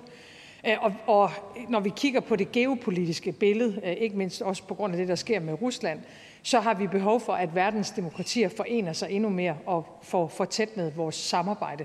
Og det gælder også med Indien. Men det er en del af det, af det samarbejde, der er mellem EU og Indien, at der selvfølgelig også diskuteres menneskerettigheder. Men jeg bliver nødt til at spørge igen. Altså, 10.000 kvinder er, er, er, er voldtaget. Human Rights Watch har været ude, Amnesty har været ude, 100.000 mennesker bliver dræbt. Man laver en befolkningsudskiftning i Jammu og Kashmir. Øh, man har lukket internettet ned. Øh, lærere forsvinder. Unge forsvinder. Modi er om nogen en kontroversiel. Altså hans styre har flere af hans ledende rådgivere siger, at de ikke ønsker, at der er kristne, muslimer og sikher i Indien, men det skal være sådan en stor Hindustan, som de kalder det. Jeg bliver nødt til at spørge øh, statsministeren, og jeg håber, at statsministeren vil svare i klar og et klart og tydeligt svar fordømte statsministeren, ikke hvad EU lægger op til, fordømte statsministeren Modis menneskerettighedskrænkelser og de drab, han begår og hans styre begår i Jammu og Kashmir. Fordømte statsministeren det på mødet med Modi? Sagde statsministeren, Modi, vi fordømmer det, du gør i Kashmir, den menneskerettighedskrænkelse og de drab, I står bag i Kashmir, de kvinder, der bliver voldtaget, vi fordømmer det. Fordømte statsministeren tak, så er det statsminister, som jeg sagde det før, så er dialogen omkring menneskerettigheder en del af det samarbejde, vi, øh, vi har med Indien. Øh, og det mener jeg også, det skal, det skal være. Øh, og så håber jeg jo i øvrigt, at en række af de stater, som ikke er demokratiske, er omgivet, kan man sige, af lige så meget opmærksomhed fra andre politiske partier. Fordi i mine øjne er det vigtigt, sikkerhedspolitisk, geopolitisk og øvrigt også af hensyn til klimaet, at verdens demokratier arbejder sammen. Og det er klart, at når man arbejder sammen, så skal man også kunne diskutere de ting, man måtte være uenige om, eller som man ser forskelligt på. Så samarbejdet mellem Europa og Indien skal selvfølgelig også indeholde øh, menneskerettigheder. Ja, det svarer jo lidt til at sige, at så kan vi også samarbejde med alle mulige andre vanvittige ledere. Så kan vi så også samarbejde med Putin. Altså, det er ledere, der, i, der begår voldsomme drab og undertrykkelser rundt om, besætter lande, angriber lande. Mit sidste spørgsmål, øh, Øh, øh, fru statsminister. Mit sidste spørgsmål det går på et spørgsmål, som jeg ikke fik svar på sidste gang under spørgetimen, og derfor så vil jeg øh, gentage spørgsmålet. Det går også på menneskerettigheder. I ramadan måned, som lige er øh, afsluttet, der har vi set det israelske styre øh, angribe palæstinenser, civile palæstinenser i og omkring Al-Aqsa-moskeen. Siden 15. april er over 200 civile palæstinenser blevet såret, herunder kvinder, børn og mænd. Fordømmer statsministeren og regeringen de israelske angreb på civile, øh, civile palæstinenser? Statsminister? Jeg tror grundlæggende ikke, jeg forstår, om man kan stille et spørgsmål omkring Israel-Palæstina, uden at have den anden side af mønten med, fordi Israel jo øh, hele tiden er underlagt nogle ret øh, voldsomme angreb fra palæstinensisk øh, side. Men den voldsspiral, vi ser øh, i Mellemøsten, øh, den, er ikke, øh, den er ikke for noget godt, den er ikke, den er ikke til gode for nogen, øh, og det har øh, EU jo også øh, allerede udtrykt. Hermed er spørgsmålet slut, og det betyder, at vi går videre til hr. Torsten Gein. Alternativet. Tak, formand. I Alternativet er vi øh, bekymrede for unge menneskers trivsel i skolen, i uddannelsessystemet og i øh, ungdomskulturen i det hele taget. For eksempel viser undersøgelser, at over halvdelen af unge kvinder mellem 16 og 24 år de har et for højt stressniveau. Hver sjette unge over 16 år har et dårligt mentalt helbred. 23 procent af piger og 9 procent af drenge i 9. klasse er risiko for at få en spiseforstyrrelse. 34 procent af danske gymnasieelever har på et tidspunkt gjort skade på sig selv ved at drikke helt utrolig mange store, store mængder alkohol, rive hår ud af hovedet på sig selv, brænde sig selv med cigaretter og ikke mindst skære i sig selv. Det betyder selvfølgelig, at vi bevilger rigtig mange millioner kroner til psykologhjælp til unge. Det har vi i Alternativet været med til, og de penge er faldet på et tørt sted. Men i Alternativet er jeg faktisk nået til et tidspunkt, hvor vi er træt af at symptombehandle unges mistrivsel ved at sende dem til psykolog. Når der er så stor mistrivsel blandt unge, er det jo noget mere grundlæggende. Der er der jo noget mere grundlæggende, der ikke fungerer. Unge nævner selv, de føler, sig, føler stor stress, nulfejlskultur, præstationsræs, at de aldrig nogensinde kan gøre tingene godt nok, at de bruger en stor del af deres ungdom på at føle sig forkerte og utilstrækkelige. Jeg vil gerne spørge statsministeren, om hun mener, det er det, den måde unge skal vokse op.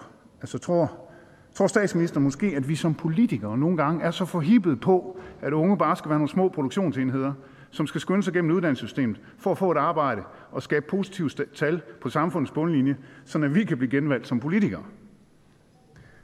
Og tror statsministeren måske, at meningen og trivslen i for høj grad forsvinder for mange unge undervejs, hvilket er et problem, fordi trivsel er forudsætning for læring og for positiv identitetsudvikling og for et godt ungdomsliv.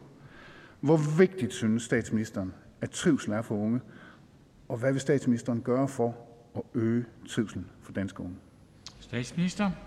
Ja, for det første synes jeg, det er et, et både godt og, og rigtigt og nødvendigt spørgsmål at stille, og jeg er enig i, at vi, hvis vi kun har fokus på enkelte elementer, så bliver det netop symptombehandling, fordi det er jo noget i vores tid, som ikke er godt for os.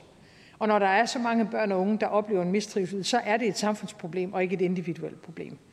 Der var noget i opremsningen, som jeg synes øh, blev, blev overset, og det er jo øh, brugen af sociale medier, fremkomsten af sociale medier og den meget tid på skærmen.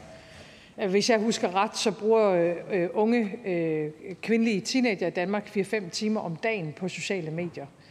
Det er godt nok lang tid.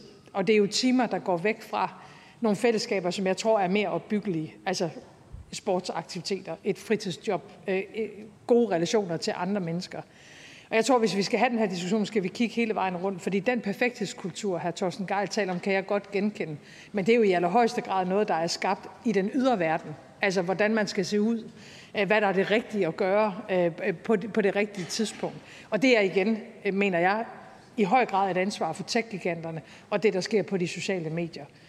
Jeg tror faktisk på mange måder, hvis vi kunne tage det ud af børnene og, unge, og de unges liv i dag, så vil tingene se anderledes ud. Så det her element skal vi i hvert fald have med i, øh, i diskussionen. Og jeg synes, det vil være godt at have en diskussion øh, hele vejen rundt om, hvordan skaber vi de bedste betingelser for, at, at børn og unge bliver robuste til at leve livet.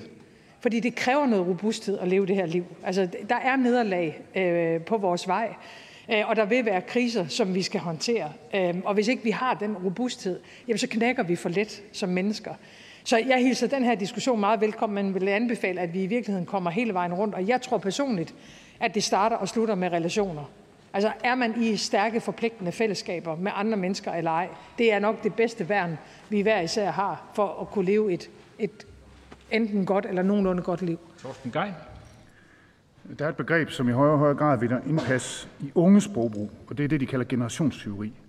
De føler, at de voksne generationer tager penge, de skal uddanne sig for eller leve for, og bruger dem til noget helt andet. Et lille eksempel på det var en mailstorm, der var mod vores mailbox i sidste uge fra de IT-studerende i Prosa. Jeg ved ikke, om statsministeren også modtog nogle af de mails. De skriver blandt andet, ja, det er da korrekt, at selv med de nye nedskæringer vil dagpengesatsen stadig være højere end SU'en. Men dagpenge er ikke ment som en slags SU. SU'en er en økonomisk støtte til de studerende. De kan leve på SU, fordi vi i samfundet tilbyder SU-venlige priser på alt fra bolig til forsikringer. Du kan supplere SU ved at have et studiejob. De lave priser og muligheden for at supplere indkomsten med et studiejob forsvinder, når man er blevet dimittent. Dagpenge er tænkt som en indkomst, som man kan leve for, men med de nye nedskæringer vil det ikke længere være muligt. En dimittentsats på 9.500 kroner om måneden betyder en indkomstnedgang på 4.500 kroner om måneden. Læg dertil bortfald af de gunstige priser for studerende. Hvad er statsministerens svar til de studerende for Prosa? Statsminister? Jamen det er, at der jo ikke er en sammenhæng mellem de to ting. Fordi de problemer, der er med mistrivsel i vores samfund, er altså startet lang tid før, der overhovedet var en diskussion omkring dimittentafpenge. Det blev aftalt i januar måned Så det, at rigtig mange øh, i, på ungdomsuddannelserne oplever mistrivsel, kan jo simpelthen ikke have en sammenhæng med det her. Det, der, der, der er tidsforskydelse mellem de to. Jeg står på mål for det med dagpenge, fordi det, det, det, der er meningen, når man er færdig med sin uddannelse, det er ikke, at man skal på dagpenge. Det er, at man skal have et arbejde. Det er jo derfor, man uddanner sig. Man uddanner sig for at blive dygtigere, blive klogere, øh, bruge nogle ungdomsår på dannelse. Men man gør det jo også, fordi at den dag, man så er færdig med uddannelse, så skal man ud og have et arbejde og forsørge sig selv. Så, så de to ting hænger jo simpelthen ikke sammen tidsmæssigt. Øh, jeg tror, vi skal et, altså et spadestik langt dybere, som jeg sagde det før. Altså fordi vi, vi har traditionelt været et samfund med meget, meget stærke fællesskaber i kirken, i fagforeningerne, i boligforeningerne, i det frivillige Danmark, i, i idrætsorganisationerne, i spejderorganisationerne. Og de, de fællesskaber er blevet færre og færre og færre. Og jeg tror, der er en sammenhæng mellem jo, jo færre forpligtende fællesskaber vi indgår i, og den sårbarhed, vi oplever i de her år. Ja, Torsten Geil, sidste spørgsmål, værsgo. Nu, nu tror jeg egentlig heller ikke, at, at, at de unge, og det synes jeg heller ikke, at i spørgsmålet, siger, at det her hænger sammen rent, rent tidsmæssigt. Øh, det var to forskellige øh, spørgsmål. Det sidste er fra Extinction Rebellion, som jo holder en masse aktiviteter i, øh, i byen rundt omkring og action her i, i de her dage. De spørger, det danske klimaborting siger, at det animalske landbrug skal reduceres. Klimabortinget består af 100 almindelige danskere, der er udvalgt tilfældigt, så de er repræsentative for befolkningen. Almindelige folk er klar på store forandringer, når de bliver informeret om de ekstreme kriser, vi står i. De længes efter dem. Vi går oprør netop nu for at kræve magt til borgertinget. Hvorfor gør I ikke, som de anbefaler, når det handler om reduktion af animalsk landbrug? Statsminister? Altså for det første er vi jo godt i gang med den nødvendige omlægning af Danmark, og, er øh, sådan set også et af de lande, der er nået aller, aller længst. Øh, altså jeg er jo så meget demokrat, at jeg tror på det her hus. Jeg tror på folkestyret. Øh, jeg tror på, at det er her, man skal gøre sin indflydelse gældende. Jeg tror, det var en lidt positiv beskrivelse at kalde det aktiviteter. Hvis jeg forstår det, er det, vel, er det også noget, der måske går ud over sådan almindelige øh, aktiviteter. Øhm, og jeg synes, man skal bruge sin stemme og sit engagement i demokratiet til at få foretaget de nødvendige beslutninger. Og dem er vi så heldigvis i gang med, og lige nu sidder vi jo og forhandler om en altså at accelerere den grønne omstilling. Så selvom vi er foran mange andre, så skal vi accelerere endnu mere, have endnu mere vedvarende energi, så vi kommer ud af Putins gas og, og får sikret et fossilfrit øh, Danmark. Øhm, så egentlig øh, nok en opfordring til at engagere sig i, i, i det arbejde, fordi vi er i gang, men vi er selvfølgelig overhovedet ikke ved vejs ende endnu. Tak for det. Spørgsmålet er slut. Tak til hr. Thorsten Geil, men også tak til statsministeren, fordi nu er spørgetimen overstået.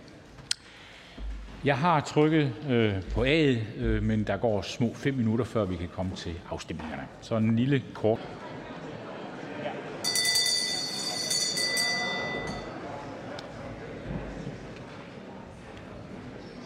Mødet er genoptaget.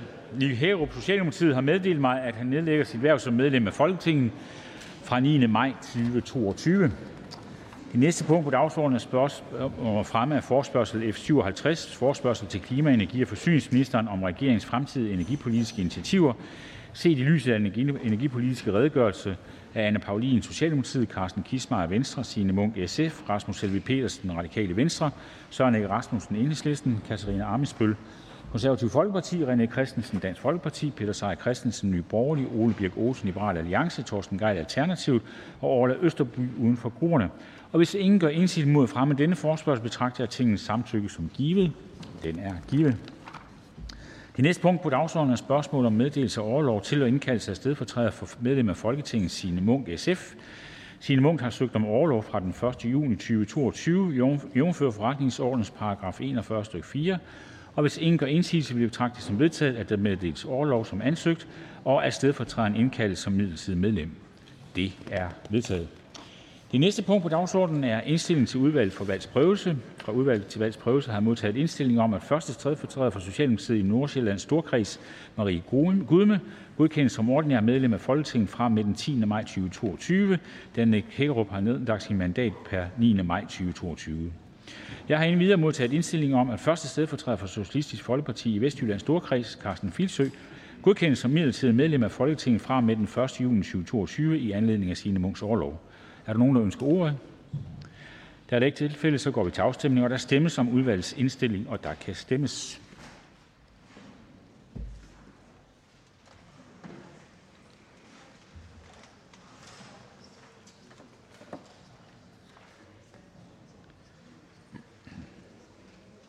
Afstemningen slutter.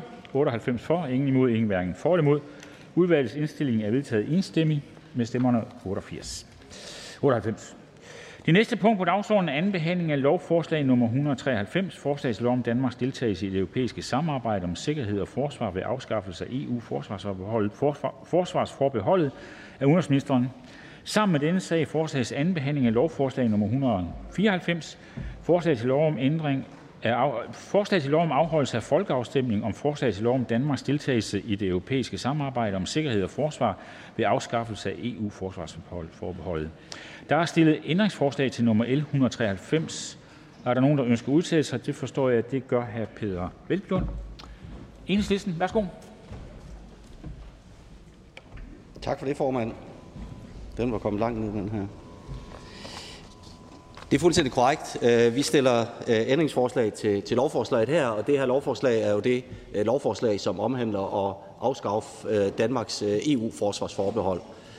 Når vi stiller et ændringsforslag, så er det jo fordi, at det her det er befolkningsforbehold. Det er befolkningens garanti for, at Danmark ikke begynder at deltage i den militære dimension i EU, som jo omhandler muligheden for at bidrage til militære aktioner uden for EU's grænser, primært i Afrika, øh, for at beskytte øh, EU's handelsinteresser. Og når det er helt centralt, at øh, befolkningen kan opretholde øh, det forbehold, så er det jo netop for at give en garanti for, at øh, Folketinget ikke begynder at tilslutte sig, uden at befolkningen har haft muligheden for at tage stilling ved en folkeafstemning. Øh, og derfor var jeg sådan set også glad dengang, da jeg hørte, at udenrigsministeren sagde, at den garanti vil man godt give. Øh, den vil man godt øh, skrive ind i loven. Men jeg kunne så konstatere, da lovforslaget lå, at øh, garantien ikke var skrevet ind i loven, men alene stod i lovbemærkningerne. Og det er jo klart, det er selvfølgelig en, en fejltagelse, og derfor er det jo dejligt for regeringen, at den er udstyret med et venligsindet parlamentarisk grundlag, som er villig til at rette op på de fejl, som regeringen er i gang med at begå. Og derfor så har vi stillet det her ændringsforslag, som netop sikrer, at Øh, at den garanti bliver skrevet direkte ind i lovteksten, fordi så er den juridisk bindende. Øh, og det er klart, at man kan ikke forpligte øh, fremtidige folketing, men i og med, at det står i selve lovteksten, så vil det jo betyde, at der skal være en decideret lovbehandling i Folketinget, før man vil kunne fjerne den garanti, frem for at det blot er en hensigtserklæring, en politisk hensigtserklæring, som ikke har den samme gyldighed. Og når det er ret afgørende at få den garanti, så vil jeg bare minde om de meldinger, der blev givet i går. Det er jo ikke, fordi det er nye meldinger, men det blev igen understreget både af kommissionens formand, af parlamentets formand, af den franske præsident, af den italienske premierminister, og meldinger, som ligger fuldstændig i tråd med, hvad den tyske kansler tidligere har sagt, at man ønsker at udvikle samarbejdet, øh, så det baserer sig på øh, flertalsafgørelser i stedet for enstemmighed. Altså, at man afskaffer den vetoret, den sikkerhed, som befolkningen har i dag, øh, og at det i stedet for øh, kommer til at overgå som et, øh, et overstatsligt samarbejde i, i EU-regi. Og så er det jo rigtigt, at så har regeringen været ude og sige, at det er man ikke interesseret i, og det er jo også rigtig klogt og rigtig fornuftigt. Og jeg står heller ikke og siger, at, at der kommer en EU her eller et overstatsligt samarbejde i morgen, eller om et halvt år, eller om et år for den sags skyld. Men jeg mener, man skal være usædvanlig politisk naiv, hvis ikke man lytter til de signaler, der bliver sendt fra kommissionsformanden, fra parlamentsformanden, fra den franske præsident, fra den tyske præsident og fra den italienske premierminister, undskyld, den tyske kansler. Det er jo trods alt ikke uvæsentlige personer i EU-samarbejdet, og det er jo præcis de personer, som har været drivende i forhold til EU-integrationen. Så hvis ikke man anerkender, at det ønske og den ambition, den ligger der, ja, så mener jeg, at man er politisk umådelig naiv. Og det er derfor, det er fuldstændig afgørende, at vi får sikret, at befolkningen får muligheden for netop at kunne få en garanti for, at man bliver spurgt ved en folkeafstemning. Ikke ved 5 6 flertal, ikke gennem andre muligheder, men alene gennem en folkeafstemning. Og hvis det alligevel er den politiske ambition, som jeg kan forstå, at øh, det udenrigsministeren har givet udtryk for, og som et flertal i Folketinget vil skrive ind i bemærkningerne til, til lovforslaget, ja, så forstår jeg simpelthen ikke, hvorfor man ikke giver den bindende garanti, den juridisk bindende garanti, ved at skrive det direkte ind i lovforslaget. Øh, og det er derfor, vi har stillet de to øh, ændringsforslag, øh, ændringsforslag nummer 1 og ændringsforslag nummer 2, og dem vil jeg da varmt anbefale, at Folketinget bakker op om, også netop for at kunne fastholde og signalere klart til befolkningen, at den garanti giver flertallet i Folketinget naturligvis til befolkningen. En kort bemærkning. Hr. Peter Skåb, Dansk Folkeparti. Øh, jeg vil bare spørge ordføreren, øh, og tak for den indledende tale her, om det også spiller en rolle for enhedslisten, at vi jo igennem årene i dansk EU-politik har set, at øh, skiftende regeringer har flyttet mere og mere magt væk fra Danmark, i form af at man har afskaffet den danske vetoret på en række områder, nogle gange ved folkeafstemninger, andre gange ikke ved folkeafstemninger. Spiller det også en rolle for enhedslisten, at det er det, der er sket, og at det er derfor, man gerne her i dag vil have en, en juridisk holdbar garanti for regeringen, der holder på den lange bane også? Ja, det er, jo, det er jo fuldstændig klart. Altså, det har vi også set ved, ved højesterets dom i forhold til, til Lissabon-traktaten, øh, at der er mulighed for at overføre øh, suverænitet, øh, uden at det nødvendigvis øh, sker ved en, en folkeafstemning. Det har jo også været ret tydeligt i forhold til de garantier, der blev givet for, at EU ikke skal blande sig i arbejdsmarkedspolitikken, øh, hvor vi jo nu ser øh, kravet om en, en EU-mindsteløn. Øh, så det er klart, øh, der er det skred, og der ligger den motor i, EU-samarbejdet, øh, at der er øh, et ønske om yderligere integration. Øh, og dem, der er drivende i den motor, det er jo netop øh, kommissionen, øh, parlamentet og særligt de store lande. Altså her taler vi om, om Tyskland, Frankrig og, og Italien. Så selvfølgelig bør man bemærke det, når de sender så klart et signal. Peter Nej. Så er det fru Anne-Sophie Kallesen, Radikale Venstre. Øh, ja, Jamen, vi bliver kaldt øh, politisk naive, fordi vi ikke øh, læser de øh, meldinger, der kommer. Så øh, ved jeg ikke, om, øh, om ordføreren er en lille smule øh, politisk tonedøv, når man så ikke samtidig ser, at der er 13 lande, der har sagt, at de er imod den her afskaffelse af vetoretten.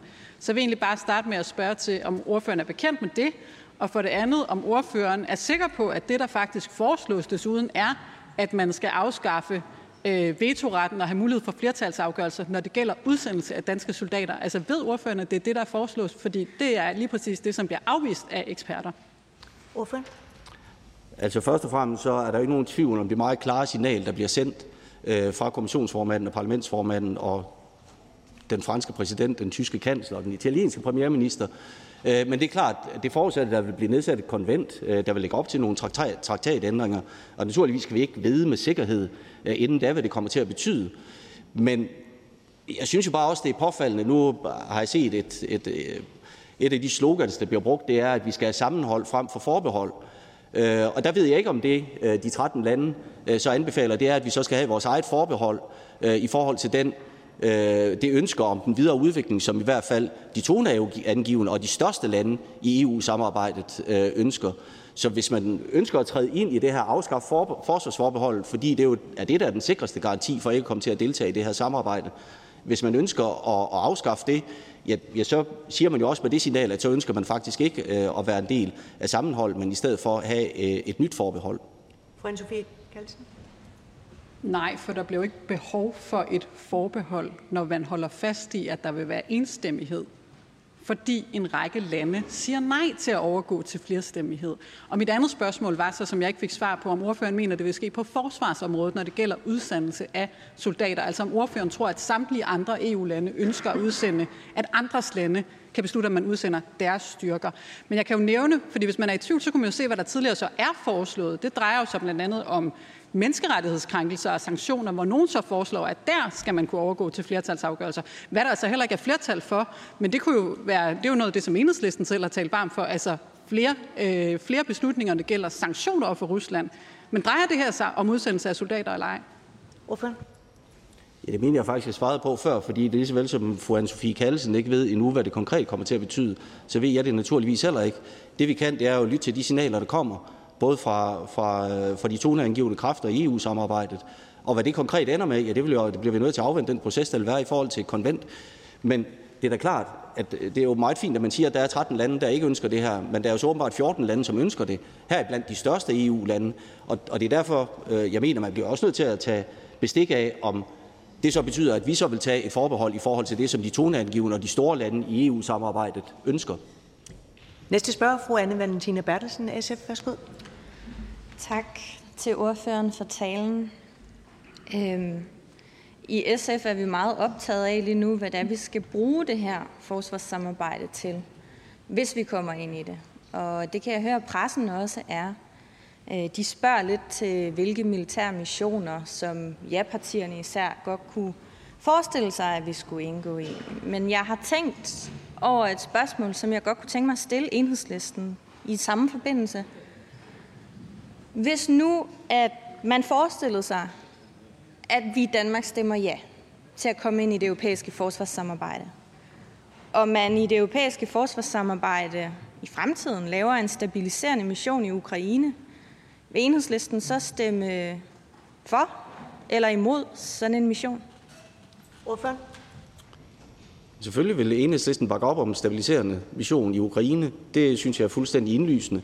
Og jeg forstår ikke helt, hvorfor vi skal igennem hele den der øh, tankerække om, hvad nu hvis. Selvfølgelig skal vi bakke op omkring øh, missionen i, i Ukraine, hvis det bliver en, hvad vi må formode, en form for multilateral styrke, så kan Danmark jo deltage uden nogen som helst problemstillinger. Øh, og jeg synes, det er jo, når vi ser på de, de missioner, som Danmark kunne deltage i rundt omkring i verden, så er der jo en lang række FN-missioner, som vi afstår fra at deltage i. Altså, hvorfor bakker vi ikke op omkring dem? Hvorfor lytter regeringen ikke, når enhedslisten foreslår, at vi skal tilbyde at bistå med minerydning i Bosnien? Så siger man nej. Det har ikke noget med, med forsvarsforbehold at gøre. Det har noget med politisk vilje at gøre. Så i forhold til den politiske vilje, selvfølgelig skal vi deltage, og jeg vil have meget svært ved at forestille mig, at Danmark ikke øh, vil kunne bidrage i forhold til en stabiliserende indsats øh, i forhold til, til Ukraine, når den lykkelige dag måtte opstå, at der bliver en fredsproces, vi kan få sat gang i, og der kan, der kan opstå en øh, forhandlet løsning, som vi kan forsvare. Spørg? Ja, altså, øh, ordføreren siger, hvorfor bakker vi ikke op om FN's indsatser? Nu står det jo sådan set i den her, at når EU laver indsatser, så er det også med råd i FN's principper.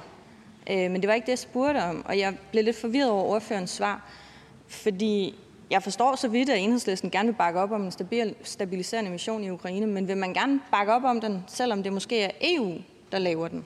Hvis EU laver en stabiliserende mission i Ukraine, og Danmark er med i det europæiske forsvarssamarbejde, stemmer man så for også? Ordføren? Det er sådan et mærkeligt spørgsmål, fordi så forudsætter det, at der skal være nogle stærke kræfter, som alene ønsker, at det kun er EU-lande, der må deltage i den her mission.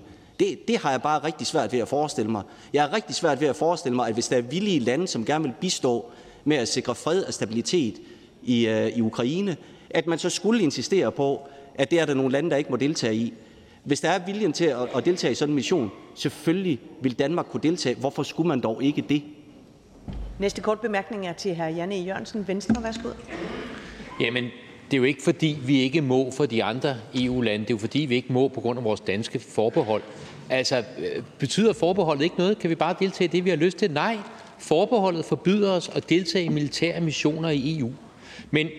Ja, nu blev jeg lidt vred, fordi jeg rejste mig egentlig for at sige noget rigtig, rigtig pænt om enhedslisten. Fordi vi har jo partier herinde, der forsøger at bilde befolkningen ind, at det her er et valg mellem EU og NATO. Det er det ikke. NATO's generalsekretær Jens Stoltenberg siger, at EU og NATO er to sider af samme mønt. Det vi gør forskelligt. Vi har forskellige medlemskreds, men vi komplementerer hinanden. Men der vil jeg godt rose enhedslisten, for enhedslisten taler jo øh, rent ud, altså EU. Øh, enhedslisten vil hverken have EU eller NATO. Det synes jeg er befriende. Som der står i enhedslistens partiprogram, vi bekæmper militarismen og arbejder for dansk udmeldelse af NATO. Vi går ind for, at det danske militær nedlægges. Det er klart tale, og det vil jeg godt rose enhedslisten for. Jeg tror sådan ikke, der var noget spørgsmål. Og hvis det er sådan, at hr. Jan E. Jørgensen ønsker at have en debat om øh, den fremtidige sikkerhedssituation i, øh, i Europa, øh, og hvilken rolle både EU og NATO og, og forsvaret og oprustningen skal spille, så tager jeg gerne den. Øh, jeg synes sådan set bare, at vi skylder den danske befolkning, at når det vi diskuterer, det er spørgsmålet om, øh, hvorvidt vi skal afskaffe det danske EU-forsvarsforbehold, så var det måske det, vi skulle diskutere. Den anden debat, den tager jeg hjertens gerne med hr. Jan E. Jørgensen. Vi skylder vel også den danske befolkning at fortælle, at lige nu så står der en på talerstolen, som ønsker, at Danmark skal udmelde sig NATO, som ønsker, at vi ikke skal deltage i EU's forsvarspolitiske samarbejde på et tidspunkt, hvor der er krig i Ukraine. Det skylder vi vel også den danske befolkning at fortælle, hvem det er, der står på øh, Folketingets talerstol lige nu. Det er en person, der ønsker det danske militær nedlagt. Jeg siger velbekomme. Hvorfor? Altså, jeg bliver nødt til at kigge mig lidt omkring. Jeg ved ikke, hvem det er, her Jan E. Jørgensen refererer til. Jeg ved ikke, hvornår Jan E. Jørgensen har oplevet, at uh, Enhedslisten har stillet forslag ud om, at vi skulle melde os ud af NATO, eller at det danske forsvar skulle nedlægges nu og her. Men, men hr. Jan E. Jørgensen, kan, altså jeg kan læse mange ting om, hvad, hvad folk tidligere har sagt. Det har jeg også til at ligge her i min mappe. Jeg er mest interesseret i at forholde mig til, hvordan man fører konkret politik. Enhedslisten har ikke stillet et forslag om, at Danmark skal melde sig ud af NATO. Det vil være temmelig absurd i den nuværende sikkerhedspolitiske situation. Derfor kan man godt tillade sig at have en kritisk holdning til NATO, den rolle, som NATO har spillet i forhold til krigene i Irak, Afghanistan og Libyen. Næste kort bemærkning er til hr. Morten Messerschmidt, Dansk Folkeparti. Værsgo. Tak, formand. Øh, jeg skal bare i relation til, øh, hvad ordføreren sagde om den garanti eller det løfte, som regeringen har givet over fremtidige øh, traktatændringer, høre, om ordføreren kan give nogle eksempler på, at Socialdemokratiet og måske også andre af de pro-europæiske partier i Folketinget før har, har afviklet vetoretten. Hvorfor? Ja, det er der jo en, en, en perlerække af eksempler på, at det, at det tidligere er sket, og det er jo også derfor, det er helt centralt, at når Øh, det handler om befolkningsforbehold i forhold til udviklingen af en militær dimension i EU, at vi så netop sikrer, at det bliver befolkningsforbehold, forbehold, øh, og at øh, regeringen og Folketing også giver den garanti ved at skrive den direkte ind i, i lovforslaget. Spørgeren? Og, og de tilfælde, det kunne måske være den seneste traktatrevision af Lissabon-traktaten, som vi gælder i dag, øh, om ordføreren bare vil komme ind på, om, om Socialdemokratiet dengang så stemte for, at man gjorde det med en folkeafstemning eller uden en folkeafstemning, da man altså fjernede vetoretten. Jeg tror på 19 områder. Hvorfor? Ja, det er fuldstændig rigtigt, og det var også det, jeg nævnte i, i min tale, at, øh, at det har vi jo netop også øh, øh, højesterets dom i forhold til, til brugen af, af Lisbon-traktaten, at, at det er helt øh, evident, at, at den mulighed eksisterer. Øh, og det er derfor, det også er så afgørende, at vi netop øh, får sikret, at, øh, at den garanti får vi skrevet direkte ind i loven. Næste kort bemærkning er til hr. Jens Rude, Kristendemokrater. Hvor ville det dog være pragtfuldt, om vi fik afskaffet den vetoret, der ligger i udenrigs- og sikkerhedspolitikken i EU. Det vil nemlig betyde, at man begyndte for alvor at tage borgerne alvorligt som europæere, og ikke bare som danskere, tyskere og hollændere og ikke altid diskutere EU på en national præmis, men faktisk ud på en præmis, der handler om det europæiske kontinent, og når det handler om udenrigs- og sikkerhedspolitik, at vi varetager vores interesser i alle dets facetter. Når jeg har den holdning, så er det klart, at jeg ikke kan stemme for enhedslistens forslag. Men jeg ser desværre heller ikke med den holdning, jeg jo har, ser jeg desværre ikke, at det er den vej, det udvikler sig, sådan som enhedslisten forudskikker det. Fordi der er jo et meget stort flertal i dette folketing, som står ved, at man skal bevare denne veto. Og den kan kun ændres, hvis alle lande i EU er enige. Vil hr. Peter Velblom ikke medgive, at det er Danmark selv, der beslutter, om man skal gå fra enstemmighed til flertalsbeslutninger, og ikke Ursula von der Leyen eller andre? Nej, men det er klart, at hvis det er sådan, øh, det overgår til overstatslighed, så skal der jo enten være fem sjettedels flertal i, i Folketinget, eller også så skal man øh, vedtage det ved en folkeafstemning. Øh, og det er jo derfor, hvis der er så udbredt enighed, så synes jeg, det vil være særdeles fornuftigt, at man får det skrevet direkte ind i, i lovgivningen, så der ikke kommer til at herske nogen tvivl om det. Og jeg kan heller ikke forstå, hvorfor der skulle være nogen modstand mod det, hvis intentionen er så klar. Øhm, og jeg kan også høre på, på Jens Rode, at, at Jens Rode langt hen ad vejen er, er enig med, med, med, de, med det signal, der bliver sendt fra, fra kommissionen og fra, fra, fra Tyskland og Frankrig. Øhm, men jeg vil bare minde om, at når vi snakker om, hvad er det så konkret, vi stemmer om nu, så, så er det jo ikke øh, en EU her, eller alle mulige øh, forestillinger om, hvad det her det udvikler sig til. Så er det spørgsmål om de konkrete aktioner, der er i dag. Og de handler jo ikke om, at, at udvikle menneskerettigheder eller andet. Det er nogle aktioner, jeg tror, der er syv aktive aktioner nu, som primært foregår i Afrika, som alle sammen har forholdsvis uh, tvivlsom karakter, og som handler primært om at uh, sikre EU's handelsinteresser. Og det er bare også det budskab, vi også skal give til befolkningen, at det er rent faktisk det, vi stemmer om, hvorvidt vi vil deltage i fremover. Jens Næste korte bemærkning er til hr. Kim Valentin, Venstre. Værsgo. Ja, tak, og tak til ordføreren. Ordføreren taler om politisk øh, naivitet i forbindelse med, med den her afstemning. Jeg synes jo, at den politiske naivitet består i, at man ikke anerkender, at der er en ny sikkerhedspolitisk situation i Europa, og det er en ny situation, vi, vi taler om her, og at den politiske naivitet består i, at man ikke anerkender, at Rusland er en fjende for resten af Europa. Det er også det, vi har set af enhedslisten tidligere udtalelser omkring. Og derfor må jeg jo spørge, hvordan tænker enhedslisten, at vi skal forsvare os i Europa? Er det ved at melde sig ud af NATO? Er det ved, at, øh, at vi øh, fra Danmarks side ikke skal være med i NATO og EU? Ordføren? Det er jo en meget glædelig øh, stor interesse, der er opstået for, for enhedslistens politik. Det er så bare ikke det, vi diskuterer her i salen i dag. Men naturligvis er der en ny sikkerhedspolitisk situation. Naturligvis har Ruslands folkeretsstridige, ulovlige, fuldstændig dybt angribelige invasion af Ukraine været med til at ændre det sikkerhedspolitiske billede.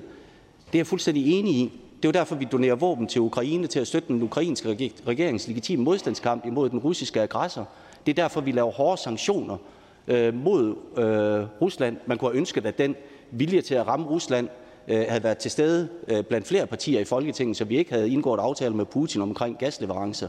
Men det har bare intet, absolut intet at gøre med afskaffelsen af for forsvarsforbeholdet at gøre. Det handler om at deltage i militære aktioner uden for EU's grænser, primært i Afrika. Hr. Kim Valentin? Ja, men så må øh, hr. Peter Velblom jo anerkende, at når man fra, fra Ursula von Leyen's side og Macrons side kommer med udtalelser, og der bagefter er 13 lande, som siger, øh, nej, det vil vi ikke være med til, ja, så bliver det ikke til noget. Og det er i virkeligheden jo bare et udtryk for, hvordan EU fungerer, ligesom alle mulige andre demokratier, og ikke ligesom Rusland, men at man faktisk taler om tingene. Og det her, det har ingen gang på jorden, og derfor er det ikke aktuelt med traktatændring. Kan Peter Velblom, hr. Peter Velblom acceptere det?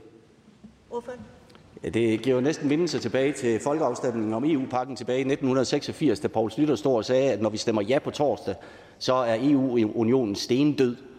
Øh, og hvis det er sådan, man med samme sikkerhed vil sige, at idéerne omkring en fælles militær dimension i, i EU også er stendøde efter de meldinger, der kommer fra Macron, fra von der Leyen, fra Mazzolo, fra Draghi, fra Scholz, så synes jeg, at man er politisk naiv.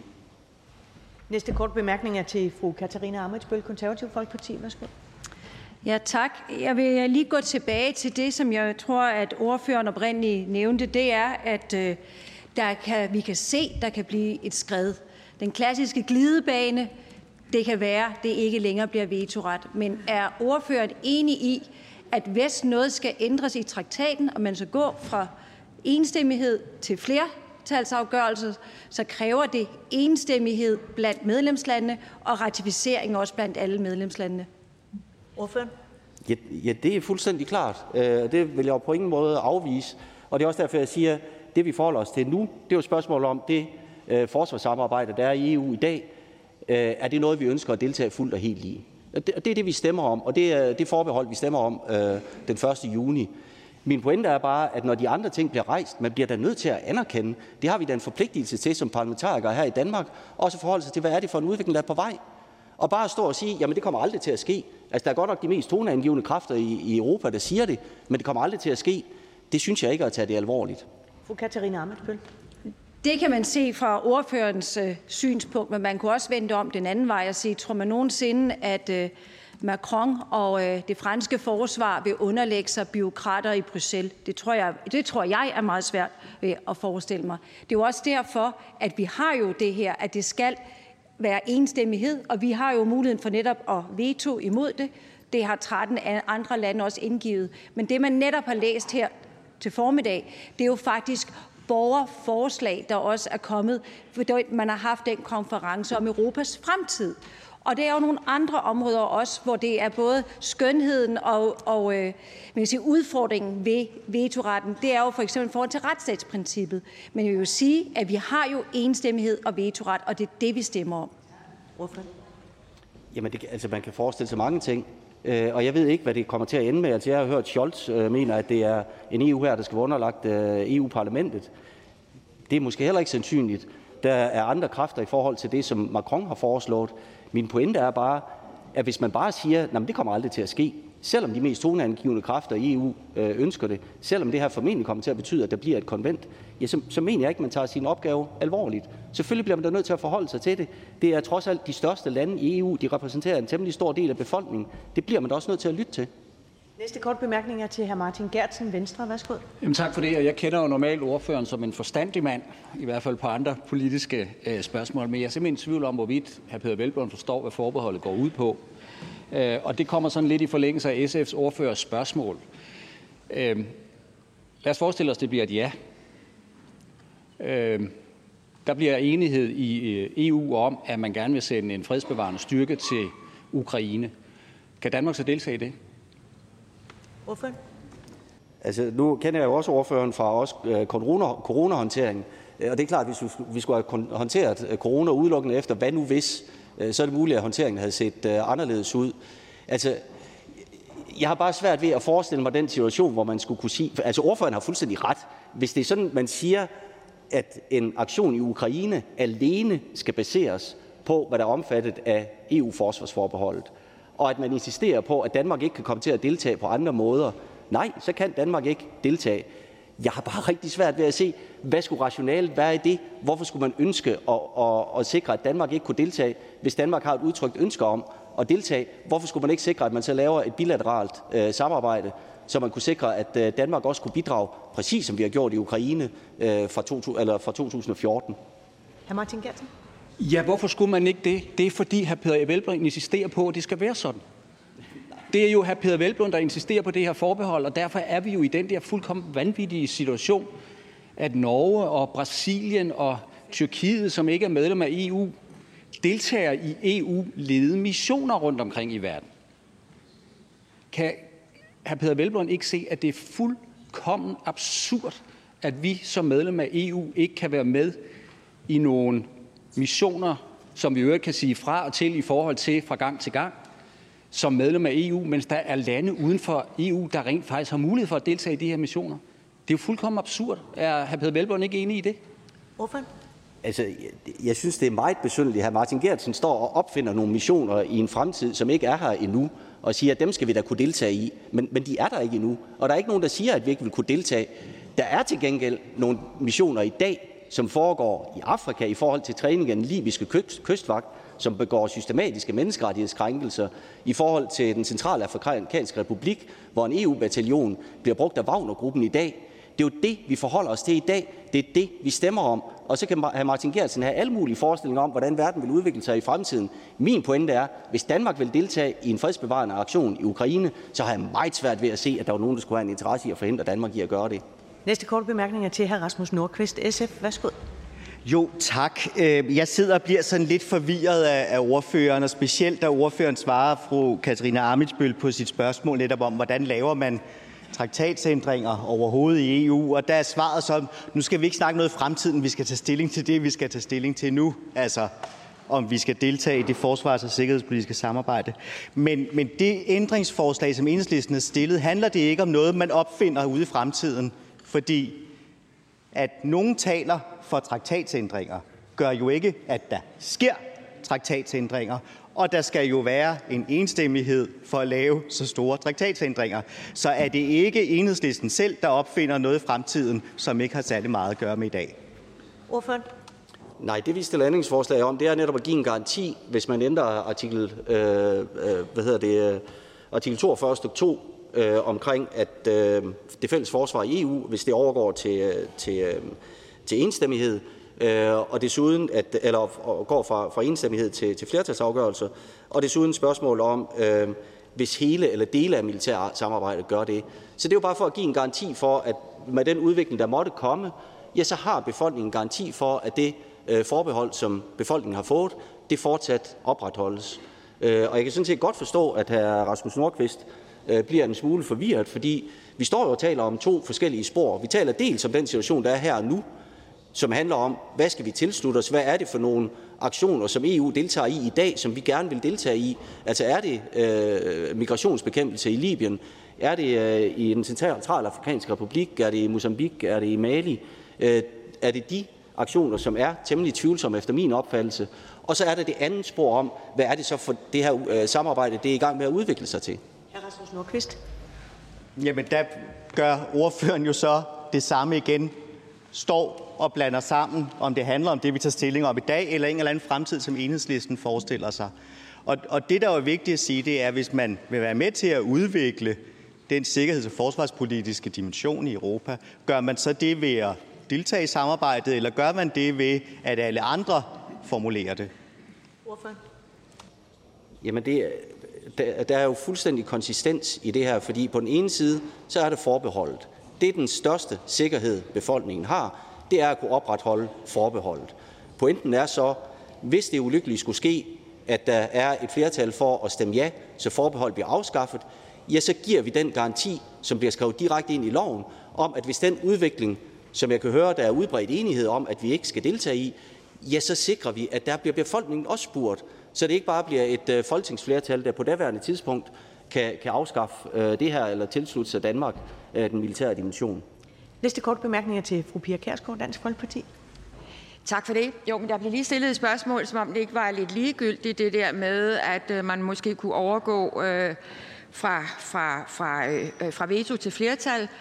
Øh, så må jeg jo så bare sige, at øh, regeringen mener jo ikke, det siger, at det ikke kommer til at ske, men alligevel så siger regeringen, at man vil godt skrive det ind i bemærkningerne, ikke i selve lovteksten, men i bemærkningerne. Det bærer der jo ikke spor. Altså, det er jo simpelthen bare at forsøge at narre folk. Så dumme er folk trods alt ikke skrevet ind i bemærkningerne. Det er jo ikke rigtig skældende. Men det må jo alligevel betyde, at øh, regeringen har sådan en vis bekymring for, at øh, det kunne ske, siden man trods alt siger, okay, så skriver vi det ind i bemærkningerne. Er ordføreren ikke enig i det? Jo, det er, det er jeg sådan set enig i, og jeg synes også, når man hører på debatten, så, så lyder det jo som om, at, øh, at der er fuldstændig enighed om, øh, at det her det vil kræve en folkeafstemning. Og det er derfor, jeg ikke forstår, hvorfor man så netop ikke vil give den sikkerhed og skrive den ind øh, direkte i, i lovteksten. Øh, så det er juridisk spændende. Og det er klart, at man kan ikke forpligte fremtidige folketing på nogle beslutninger her. De vil altid kunne ændres. Men hvis det står direkte ind i lovteksten, så vil det trods alt kræve en fornyet lovbehandling, hvis man vil tage den rettighed fra befolkningen igen. Øh, og derfor så er der jo bare en større sikkerhed ved at skrive det direkte ind i lovteksten, frem for at bare alene lade det stå i bemærkningerne, som jo fuldstændig korrekt er en, er en politisk hensigtserklæring. Fru Pia Kærsgaard? Jo, men man kan også sige, at, øh, at det, der skete i går med, med de kommentarer og hvad skal man sige, øh, holdninger, beslutningstagerne, de store beslutningstagere i EU og de store lande kom frem med, det gør det jo endnu mere usikkert. Og der må jeg så bare sige, jeg synes, jeg synes jo faktisk, at regeringen og støttepartierne har bevæget sig ud på tynd is. Man kunne bare have lavet være. Altså det, man har forsøgt at hægte det her op på, det har været Ukraine. Det her går hverken fra eller til i, omkring Ukraine. Og jeg synes simpelthen, det er smagløst, at man har hægtet det op øh, på, omkring, omkring den ulykkelige situation i Ukraine. Men regeringen bevæger sig ud. Nu er der, der er jo en reel mulighed for, at det kan blive nej. Og, og så tror jeg næppe, at man, tror håber jeg da ikke, at man vil foreslå en folkeafstemning igen, så lige med det samme. Hvorfor? Jamen, jeg er fuldstændig enig i, at det her har absolut intet med situationen i Ukraine at gøre. Øh, altså, der har jo været øh, total enighed om, Øh, at vi skal støtte øh, den ukrainske regerings legitime modstandskamp i forhold til den ulovlige besættelse øh, fra den russiske aggressor.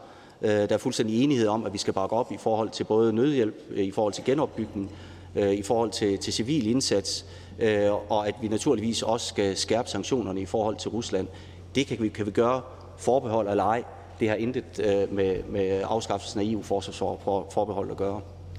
Tak til ordføreren. Der er ikke flere korte bemærkninger til ordføreren. Og den næste ordfører, som har bedt om ordet, det er hr. Morten Messerschmidt, Dansk Folkeparti.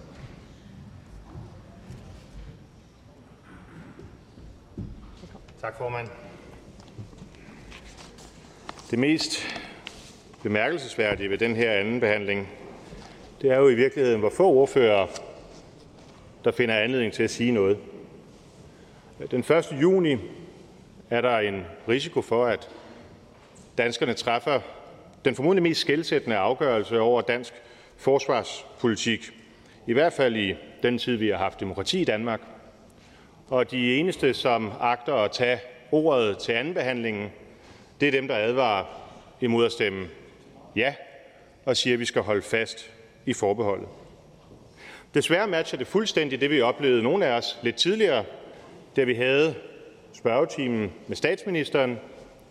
Kun undertegnede valgte at spørge til det her tema.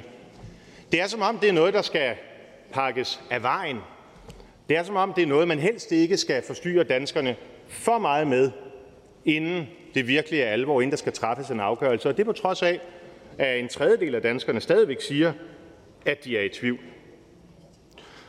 En Og et medlem af Folketinget påkalder sig dog en særlig interesse, nemlig hr. Jens Rode, som i mange henseender lyser op som den, der tør sige tingene på en fri og oprigtig måde. Og nu tænker jeg ikke bare på, hvordan han for ganske få øjeblikke siden sagde, at jamen, han synes, at det var helt naturligt at gøre det, som EU-systemet nemlig også gerne vil, at afskaffe vetoretten. Nej, jeg tænker naturligvis på den kronik, han sammen med den daværende formand for Europabevægelsen, Erik Bol, tilbage i november 2012, skrev i Berlinske Tidene, hvor han skrev, det er hul i hovedet og et stort spild af ressourcer, at de 27 EU-lande har hver sit forsvar. Det var en kronik, der fik politiske konsekvenser. Det afstedkom, at hr. Jens Rode ikke kunne blive spidskandidat for partiet Venstre dengang. Det forhindrede ham så ikke at blive medlem af både det radikale Venstre og ja, hvis flere andre partier efterfølgende. Men det siger jo en del om, at hr. Jens Rode trods alt er en mand, der tør tale rent ud af posen. Gav vide, hvor han har det fra. Ja, det kunne være, at han havde det fra sin tid i Europaparlamentet. For den vedtagelse, som vi fik fra den såkaldte borgerhøring øh, for nogle dage siden, og som meget klart siger, at man ønsker et forenet forsvar, som meget klart siger, at på udenrigspolitikken, jamen der vil man af med vetoretten, øh, har jo for kort tid siden været til afstemning i Europaparlamentet hvor man ikke bare tiltræder de ændringsforslag, der er lagt frem, men hvor man også opfordrer til, at der så nu indkaldes til et konvent. Indkaldes til den forsamling, der altså skal ændre traktaterne med henblik på at afskaffe vetoretten. Det er egentlig besynderligt så lidt, vi har hørt til de danske medlemmer af denne konference om Europas fremtid. Jeg har ellers hørt et rygte om, at både fru Iva Kær hr. Rasmus Nordqvist, hr. Jens Joel og hr. Kim Valentin har deltaget i arbejdet. Og, og desto større forundret må man jo stå, når man ikke ser, at nogle af dem, der altså så heroisk har kæmpet imod de her ønsker om at fjerne vetoretten, benytter anledningen til at indtage talerstolen i dag. I skal sandelig ikke sætte jeres lys under en skæppe. Vi vil meget gerne høre om jeres arbejde. Men måske er sandheden, at det arbejde kan ligge på et ret lille sted.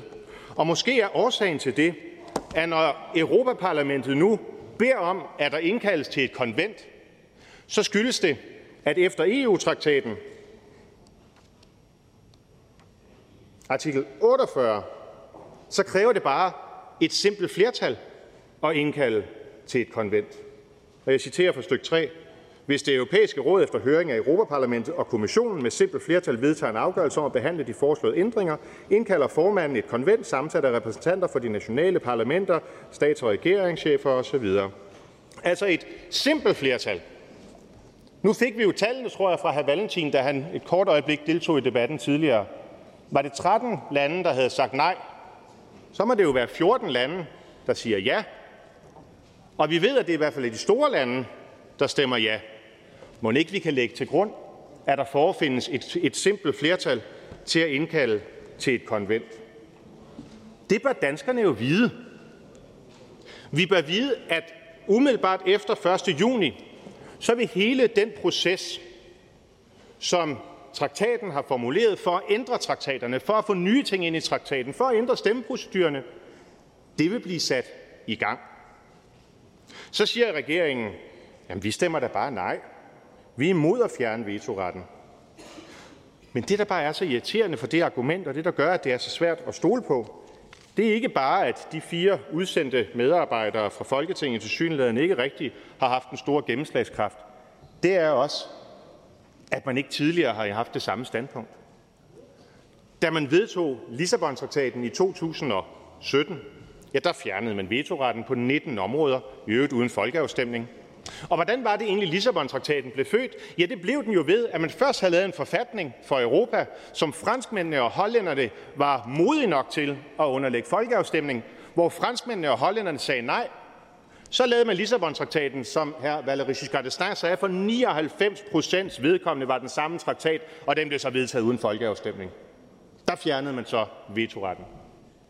2001 Nistraktaten, fjernede vetoret. 1998 Amsterdamtraktaten fjernede vetoret. 1993 Maastricht-traktaten fjernede vetoret. 1986, det var hele ideen med det, fjernede vetoret. Altså en hel række af årtier, hvor Socialdemokratiet, Venstre, det konservative Folkeparti, til tider SF, det svinger lidt, men altid og trofaste radikale Venstre, har kæmpet for at fjerne vetoretten. Og nu siger man så, at man vil give en politisk garanti. En politisk garanti. Måske som i modsætning til en juridisk garanti. Det har vi jo hørt før. Jeg kan huske fra denne talerstol den tidligere statsminister Lars Løkke Rasmus stå og love i retsforbeholdsafstemningen forud for, at han gav en politisk garanti for udlændingepolitikken, indtil solen brændte ud. Solen brændte ud. Jeg ved ikke, om udenrigsministeren giver den samme garanti, men det vil da have en skær af morskab over, morskab over det, eftersom vi jo så, at hr. Lars Løkke Rasmussen altså brændte ud noget tidligere end solen, og at den politiske garanti, han dengang gav, intet i dag er værd. Og at man ved overvejende sandsynlighed må sige, at det samme nok kommer til at gælde for den nuværende udenrigsminister. Han virker jo sund og frisk. En ung mand i fuld vigør har aftjent sin værnepligt i Europaparlamentet, og jeg er sikker på, at vi går en stor fremtid i møde, måske endda som EU-kommissær eller andet flot, når han har gjort sin proselytter en tjeneste ved at fjerne det danske forbehold. Vi skal dog give ham kamp til stregen, men han brænder nok ud engang. Og problemet med, at han brænder ud, det er, at så brænder hans løfter med. Den eneste måde, danskerne kan have en valid tro på, at de rent faktisk bliver spurgt, hvis vi igen kommer i den situation, hvor EU-partierne vil fjerne vetoretten uden at spørge danskerne, ja, det er ved at stemme de ændringsforslag, som Enhedslisten, Nye Borgerlige og Dansk Folkeparti i dag har stillet igennem. Så om få minutter så får vi sandhedens øjeblik. Det er godt, der er publikum på. Det her det er Danmarks historie. Så får vi at se, om man reelt mener det. Om man reelt mener det, når man siger, at danskerne skal spørges ved fremtidige traktatændringer.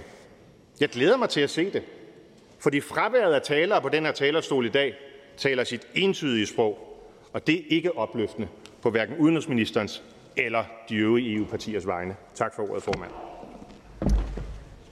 Tak til ordføreren. Der er et par korte bemærkninger til ordføreren. Det er først til fru Lisbeth Bæk-Nielsen, Socialistisk Folkeparti. Værsgo. Det er bare en kort kommentar. Jeg synes simpelthen, det er under al kritik øh, at angribe kolleger, der deltager i øh, seriøst øh, politisk arbejde i EU på den måde og nærmest øh, antyde fusk. Det synes jeg, man skal passe på med op fra talerstolen. Det var bare det. Jamen, tak for kommentaren. Jeg synes, det er på sin plads, hvis Folketinget udsender fire kollegaer for at udføre et stykke arbejde, og det stykke arbejde så strider imod alt det, som Folketinget til synlædende mener, nemlig at man vil afskaffe vetoretten, at man så beder de fire medlemmer om at redegøre for, hvad de egentlig har gjort for at forhindre det. Det er jo meget naturligt. Alle medlemmer af det høje ting har haft mulighed for i dag at tage ordet, men vi får en tredje behandling om lidt, så kan det være, at de fire medlemmer bekvemmer sig herop og siger noget om, hvad de har foretaget sig. Næste kort bemærkning er til hr. Jens Rode, Kristendemokraterne. Værsgo. Tak for de pæne ord, hr. Messerschmidt. Min bedste fjende ud i EU-spørgsmål. Sådan er det jo. Øh, og det er jo også fint, for enighed gør som bekendt dum. Men jeg vil bare lige have, at vi øh, øh, holder tungen lige i munden i forhold til, hvad der er hvad her, herr Messerschmidt. Fordi for det første, ideen om konvent, det er noget, Europaparlamentet har bedt om i al den tid, vi sad der her, Morten Messerschmidt, om, at det rent faktisk også blev en realitet. Så det var sådan set ikke noget nyt i, at Europaparlamentet mener det, og det kan man jo ikke laste andre medlemmer af Folketinget øh, for. Men det, at der bliver vedtaget i Europaparlamentet, at der skal være et konvent, og det er jo konventet, der kan besluttes med det simple flertal, er jo ikke det samme som, at et simpelt flertal kan beslutte at ændre EU-traktatens artikel 24, og hr. Messerschmidt kan selv slå den op, hvor i der klart står, at udenrigs- og sikkerhedspolitikken vedtages med enstemmighed. Jeg siger desværre, men sagen er, at det står i traktaten, og derfor kræver det jo enstemmighed. Det står ganske tydeligt, hvis denne bestemmelse i artikel 24 skal ændres. Hvorfor? Jamen, jeg er fuldstændig enig i det, som i hvert fald procesindholdet, som hr. Rode har sagt. Det, der er sagen, det er, når man ændrer traktaten, så starter det med et konvent. Det konvent kan jeg konstatere, at der er et ønske om, nu ikke bare i Europaparlamentet, men også i Europakommissionen, og at der i hvert fald ud fra de tilkendegivelser, som jeg føler mig overbevist om, hele den danske embedsapparat har været på stikkerne for at få på banen i den erklæring med de 13 lande. Det har i hvert fald ikke været muligt at få et blokerende mindretal iblandt dem for i rådet at kunne forhindre det. Når et sådan konvent så kommer på banen, så vil alle mulige spændende idéer fra, ja, tillad mig at sige, hr. Rodes tidligere federalistiske kollegaer i parlamentet, Giffer Hofstadt og andre festlige typer, jo selvfølgelig komme på banen. Og jeg føler mig overbevist om, at når man i det arbejde, der har været, hvor vi altså her har fire udsendte parlamentarikere, er kommet det ønske frem, at man vil fjerne vetoretten, så vil det formodentlig også indgå i det endelige kompromis, som så konventet lægger frem. Om det så bliver vedtaget eller ikke vedtaget, det ved vi ikke. Men vi ved med sikkerhed, at hvis det ændringsforslag, vi har stillet, ikke bliver vedtaget i dag, så er der ingen garanti for danskerne for, at de bliver spurgt. Hr. Jens Rode. Men kan hr. Messersmith ikke godt høre, at det bliver meget, meget spekulativt, det her? Og at sammenblandingen er en lille smule søgt mellem det simple flertal, som der kræves for at indkalde til konventet, når Europaparlamentet har et flertal, og så det ændre artikel 24, som er meget eksplicit. Meget eksplicit om, at udenrigs- og sikkerhedspolitik er enstemmigt anlæggende, og det kræver enstemmighed at ændre denne beslutning. Og hvis et flertal herinde med hr. Morten Messerschmidt siger nej til at ændre artikel 24 i traktaten, så kan den ikke ændres. Jeg kan ikke forstå hr. Rodes skepsis. Altså, hvis jeg lige må læse første passage i artikel 24. Unionens kompetence inden for den fælles udenrigs- og sikkerhedspolitik omfatter alle udenrigspolitiske områder samt alle spørgsmål vedrørende unionens sikkerhed, herunder gradvis udformning af en fælles forsvarspolitik, der kan føre til et fælles forsvar. Citat slut. Det er jo nærmest realiseringen af det, her Rode selv skrev for 10 år siden, og jeg citerer, det er hul i hovedet og et stort spild af ressourcer, at de 27 EU-lande har hver sit forsvar. Citat slut. Så, så jeg står jo sådan set og advarer imod, men dog taler om en mulighed for, at hr. Rode her kan få sin vilje. Næste kort bemærkning er til Anne-Sophie Kallesen, Radikale Venstre.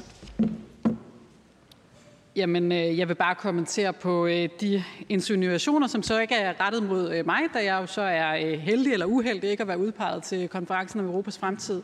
Altså, at ja-sigerne sådan set bare er dogne, fordi man ikke går på talerstolen under en anden behandling for at få en video til sociale medier.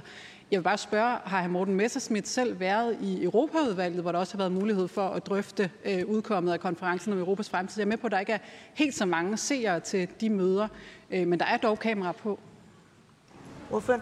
Nej, jeg sender øh, Dansk Folkepartis ordfører, øh, men, men jeg anklager jo ikke de fire medlemmer for at være dogne. Altså, jeg ville da elske, at de var dogne. Jeg ville da håbe, at alle mine politiske modstandere var sindssygt dogne. Øh, jeg anklager dem for at snyde. Jeg anklager dem for at sige et i Danmark, nemlig at de er imod kvalificerede flertalsafgørelser, men ikke løfte en finger i EU-systemet for at bekæmpe det. Det er det, jeg anklager dem for. Og det er netop derfor, jeg påberåber mig, om de ikke bare kan fremlægge, hvad end det så er på talerstolen, eller hvis det er de sociale medier, fru Kallesen foretrækker, så er det fint for mig. Men fremlægge, hvor er det, de fire danske parlamentarikere, der jo kommer fra de partier, der har lavet det her kompromis. Hvor er det så, de har modarbejdet den passus og de områder af konklusionerne, hvor man siger, et, man vil have et fælles EU-forsvar, to, det skal være baseret på kvalificeret flertal. Det er vel ikke for meget for langt. Fru Anne-Sophie Kallesen. Jamen det tror jeg da sådan set godt, at hr. Morten Messerschmidt kunne øh, få opklaret, hvis han talte med de pågældende ordfører eller dukkede op til de omtalte Europaudvalgsmøder, hvor man jo altså også ville have mulighed for at blive indskiftet, hvis det var det. Men jeg vil egentlig bare spørge, mener hr. Morten Messerschmidt, at han har hold i sine anklager om, at ordførerne ikke har passet deres arbejde, eller ikke har modarbejdet det? Har hr. Morten Messerschmidt bevis for det? Hvorfor? Nej, det har jeg selvfølgelig ikke. Altså, jeg vil anbefale, at man hører det, jeg sagde lige før. Altså, det jeg siger, det er, hvis det er så centralt for de partier, der nu vil have afskaffet forsvarsforbeholdet, at holde fast i vetoretten, og det stykke papir, der er produktet af det her arbejde, hvor der er siddet fire danske parlamentarikere, konkluderer det modsatte, og de fire danske parlamentarikere kommer fra partier, der er en del af det kompromis, der siger, at man vil holde fast i vetoretten, så ville det jo være meget naturligt, at man tog ordet i dag, hvor det har spillet så central en rolle. Tak til hr. Morten Messerschmidt, Dansk Folkeparti. Der er ikke flere korte bemærkninger til ordføreren. Og øh, hermed kan jeg sige, er der flere ordfører, der ønsker ordet? Det er der ikke. Og ja, øh, ønsker udenrigsminister ordet til ændringsforslagene inden afstemningen eller til tredje behandling? Tredje behandling. Godt. Således er der ikke flere, der ønsker at udtale sig her ved anden behandling og hermed behandlingen om ændringsforslagene. Og derfor går vi nu til afstemning om ændringsforslagene. Jeg venter lige et kort øjeblik, så alle har fundet sine pladser.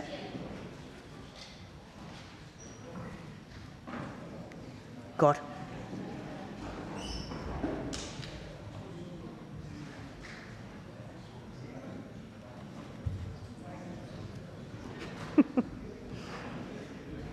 Der stemmes nu om ændringsforslag til L 193, og der stemmes først om ændringsforslag nummer 1 af et mindretal enhedslisten, tiltrådt af et mindretal Dansk Folkeparti, Nye Borgerlige og Hans Christian Skibby, og der kan stemmes.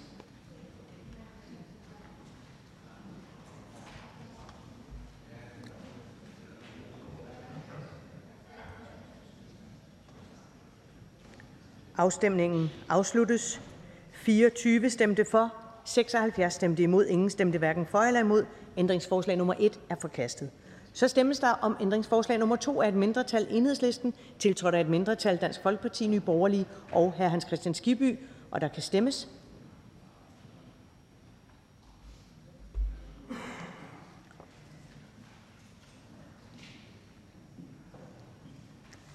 Afstemningen afsluttes. 22 stemte for, 79 stemte ingen stemte hverken for eller imod. Ændringsforslag nummer 2 er forkastet. Der stemmes om ændringsforslag nummer 3 uden for betænkningen af hr. Morten Messerschmidt, Dansk Folkeparti, og der kan stemmes.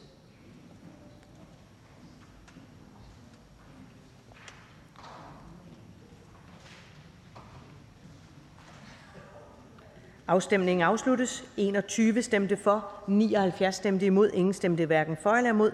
Ændringsforslag nummer 3 er forkastet. Der stemmes om ændringsforslag nummer 4 uden for betænkningen af hr. Morten Messerschmidt, Dansk Folkeparti. Der kan stemmes.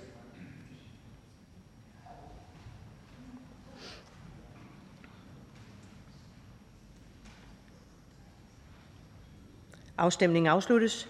11 stemte for, 78 stemte imod, 12 stemte hverken for eller imod. Ændringsforslag nummer 4 er forkastet. Jeg foreslår, at lovforslagene, lovforslagene går direkte til tredje behandling uden fornyet udvalgsbehandling, og hvis ingen gør indsigelse, så betragter jeg dette som vedtaget. Det er vedtaget. Så er der ikke mere at foretage i dette møde. Vi holder en kort pause, og det næste møde afholdes i dag kl. 15.30. Mødet er hævet.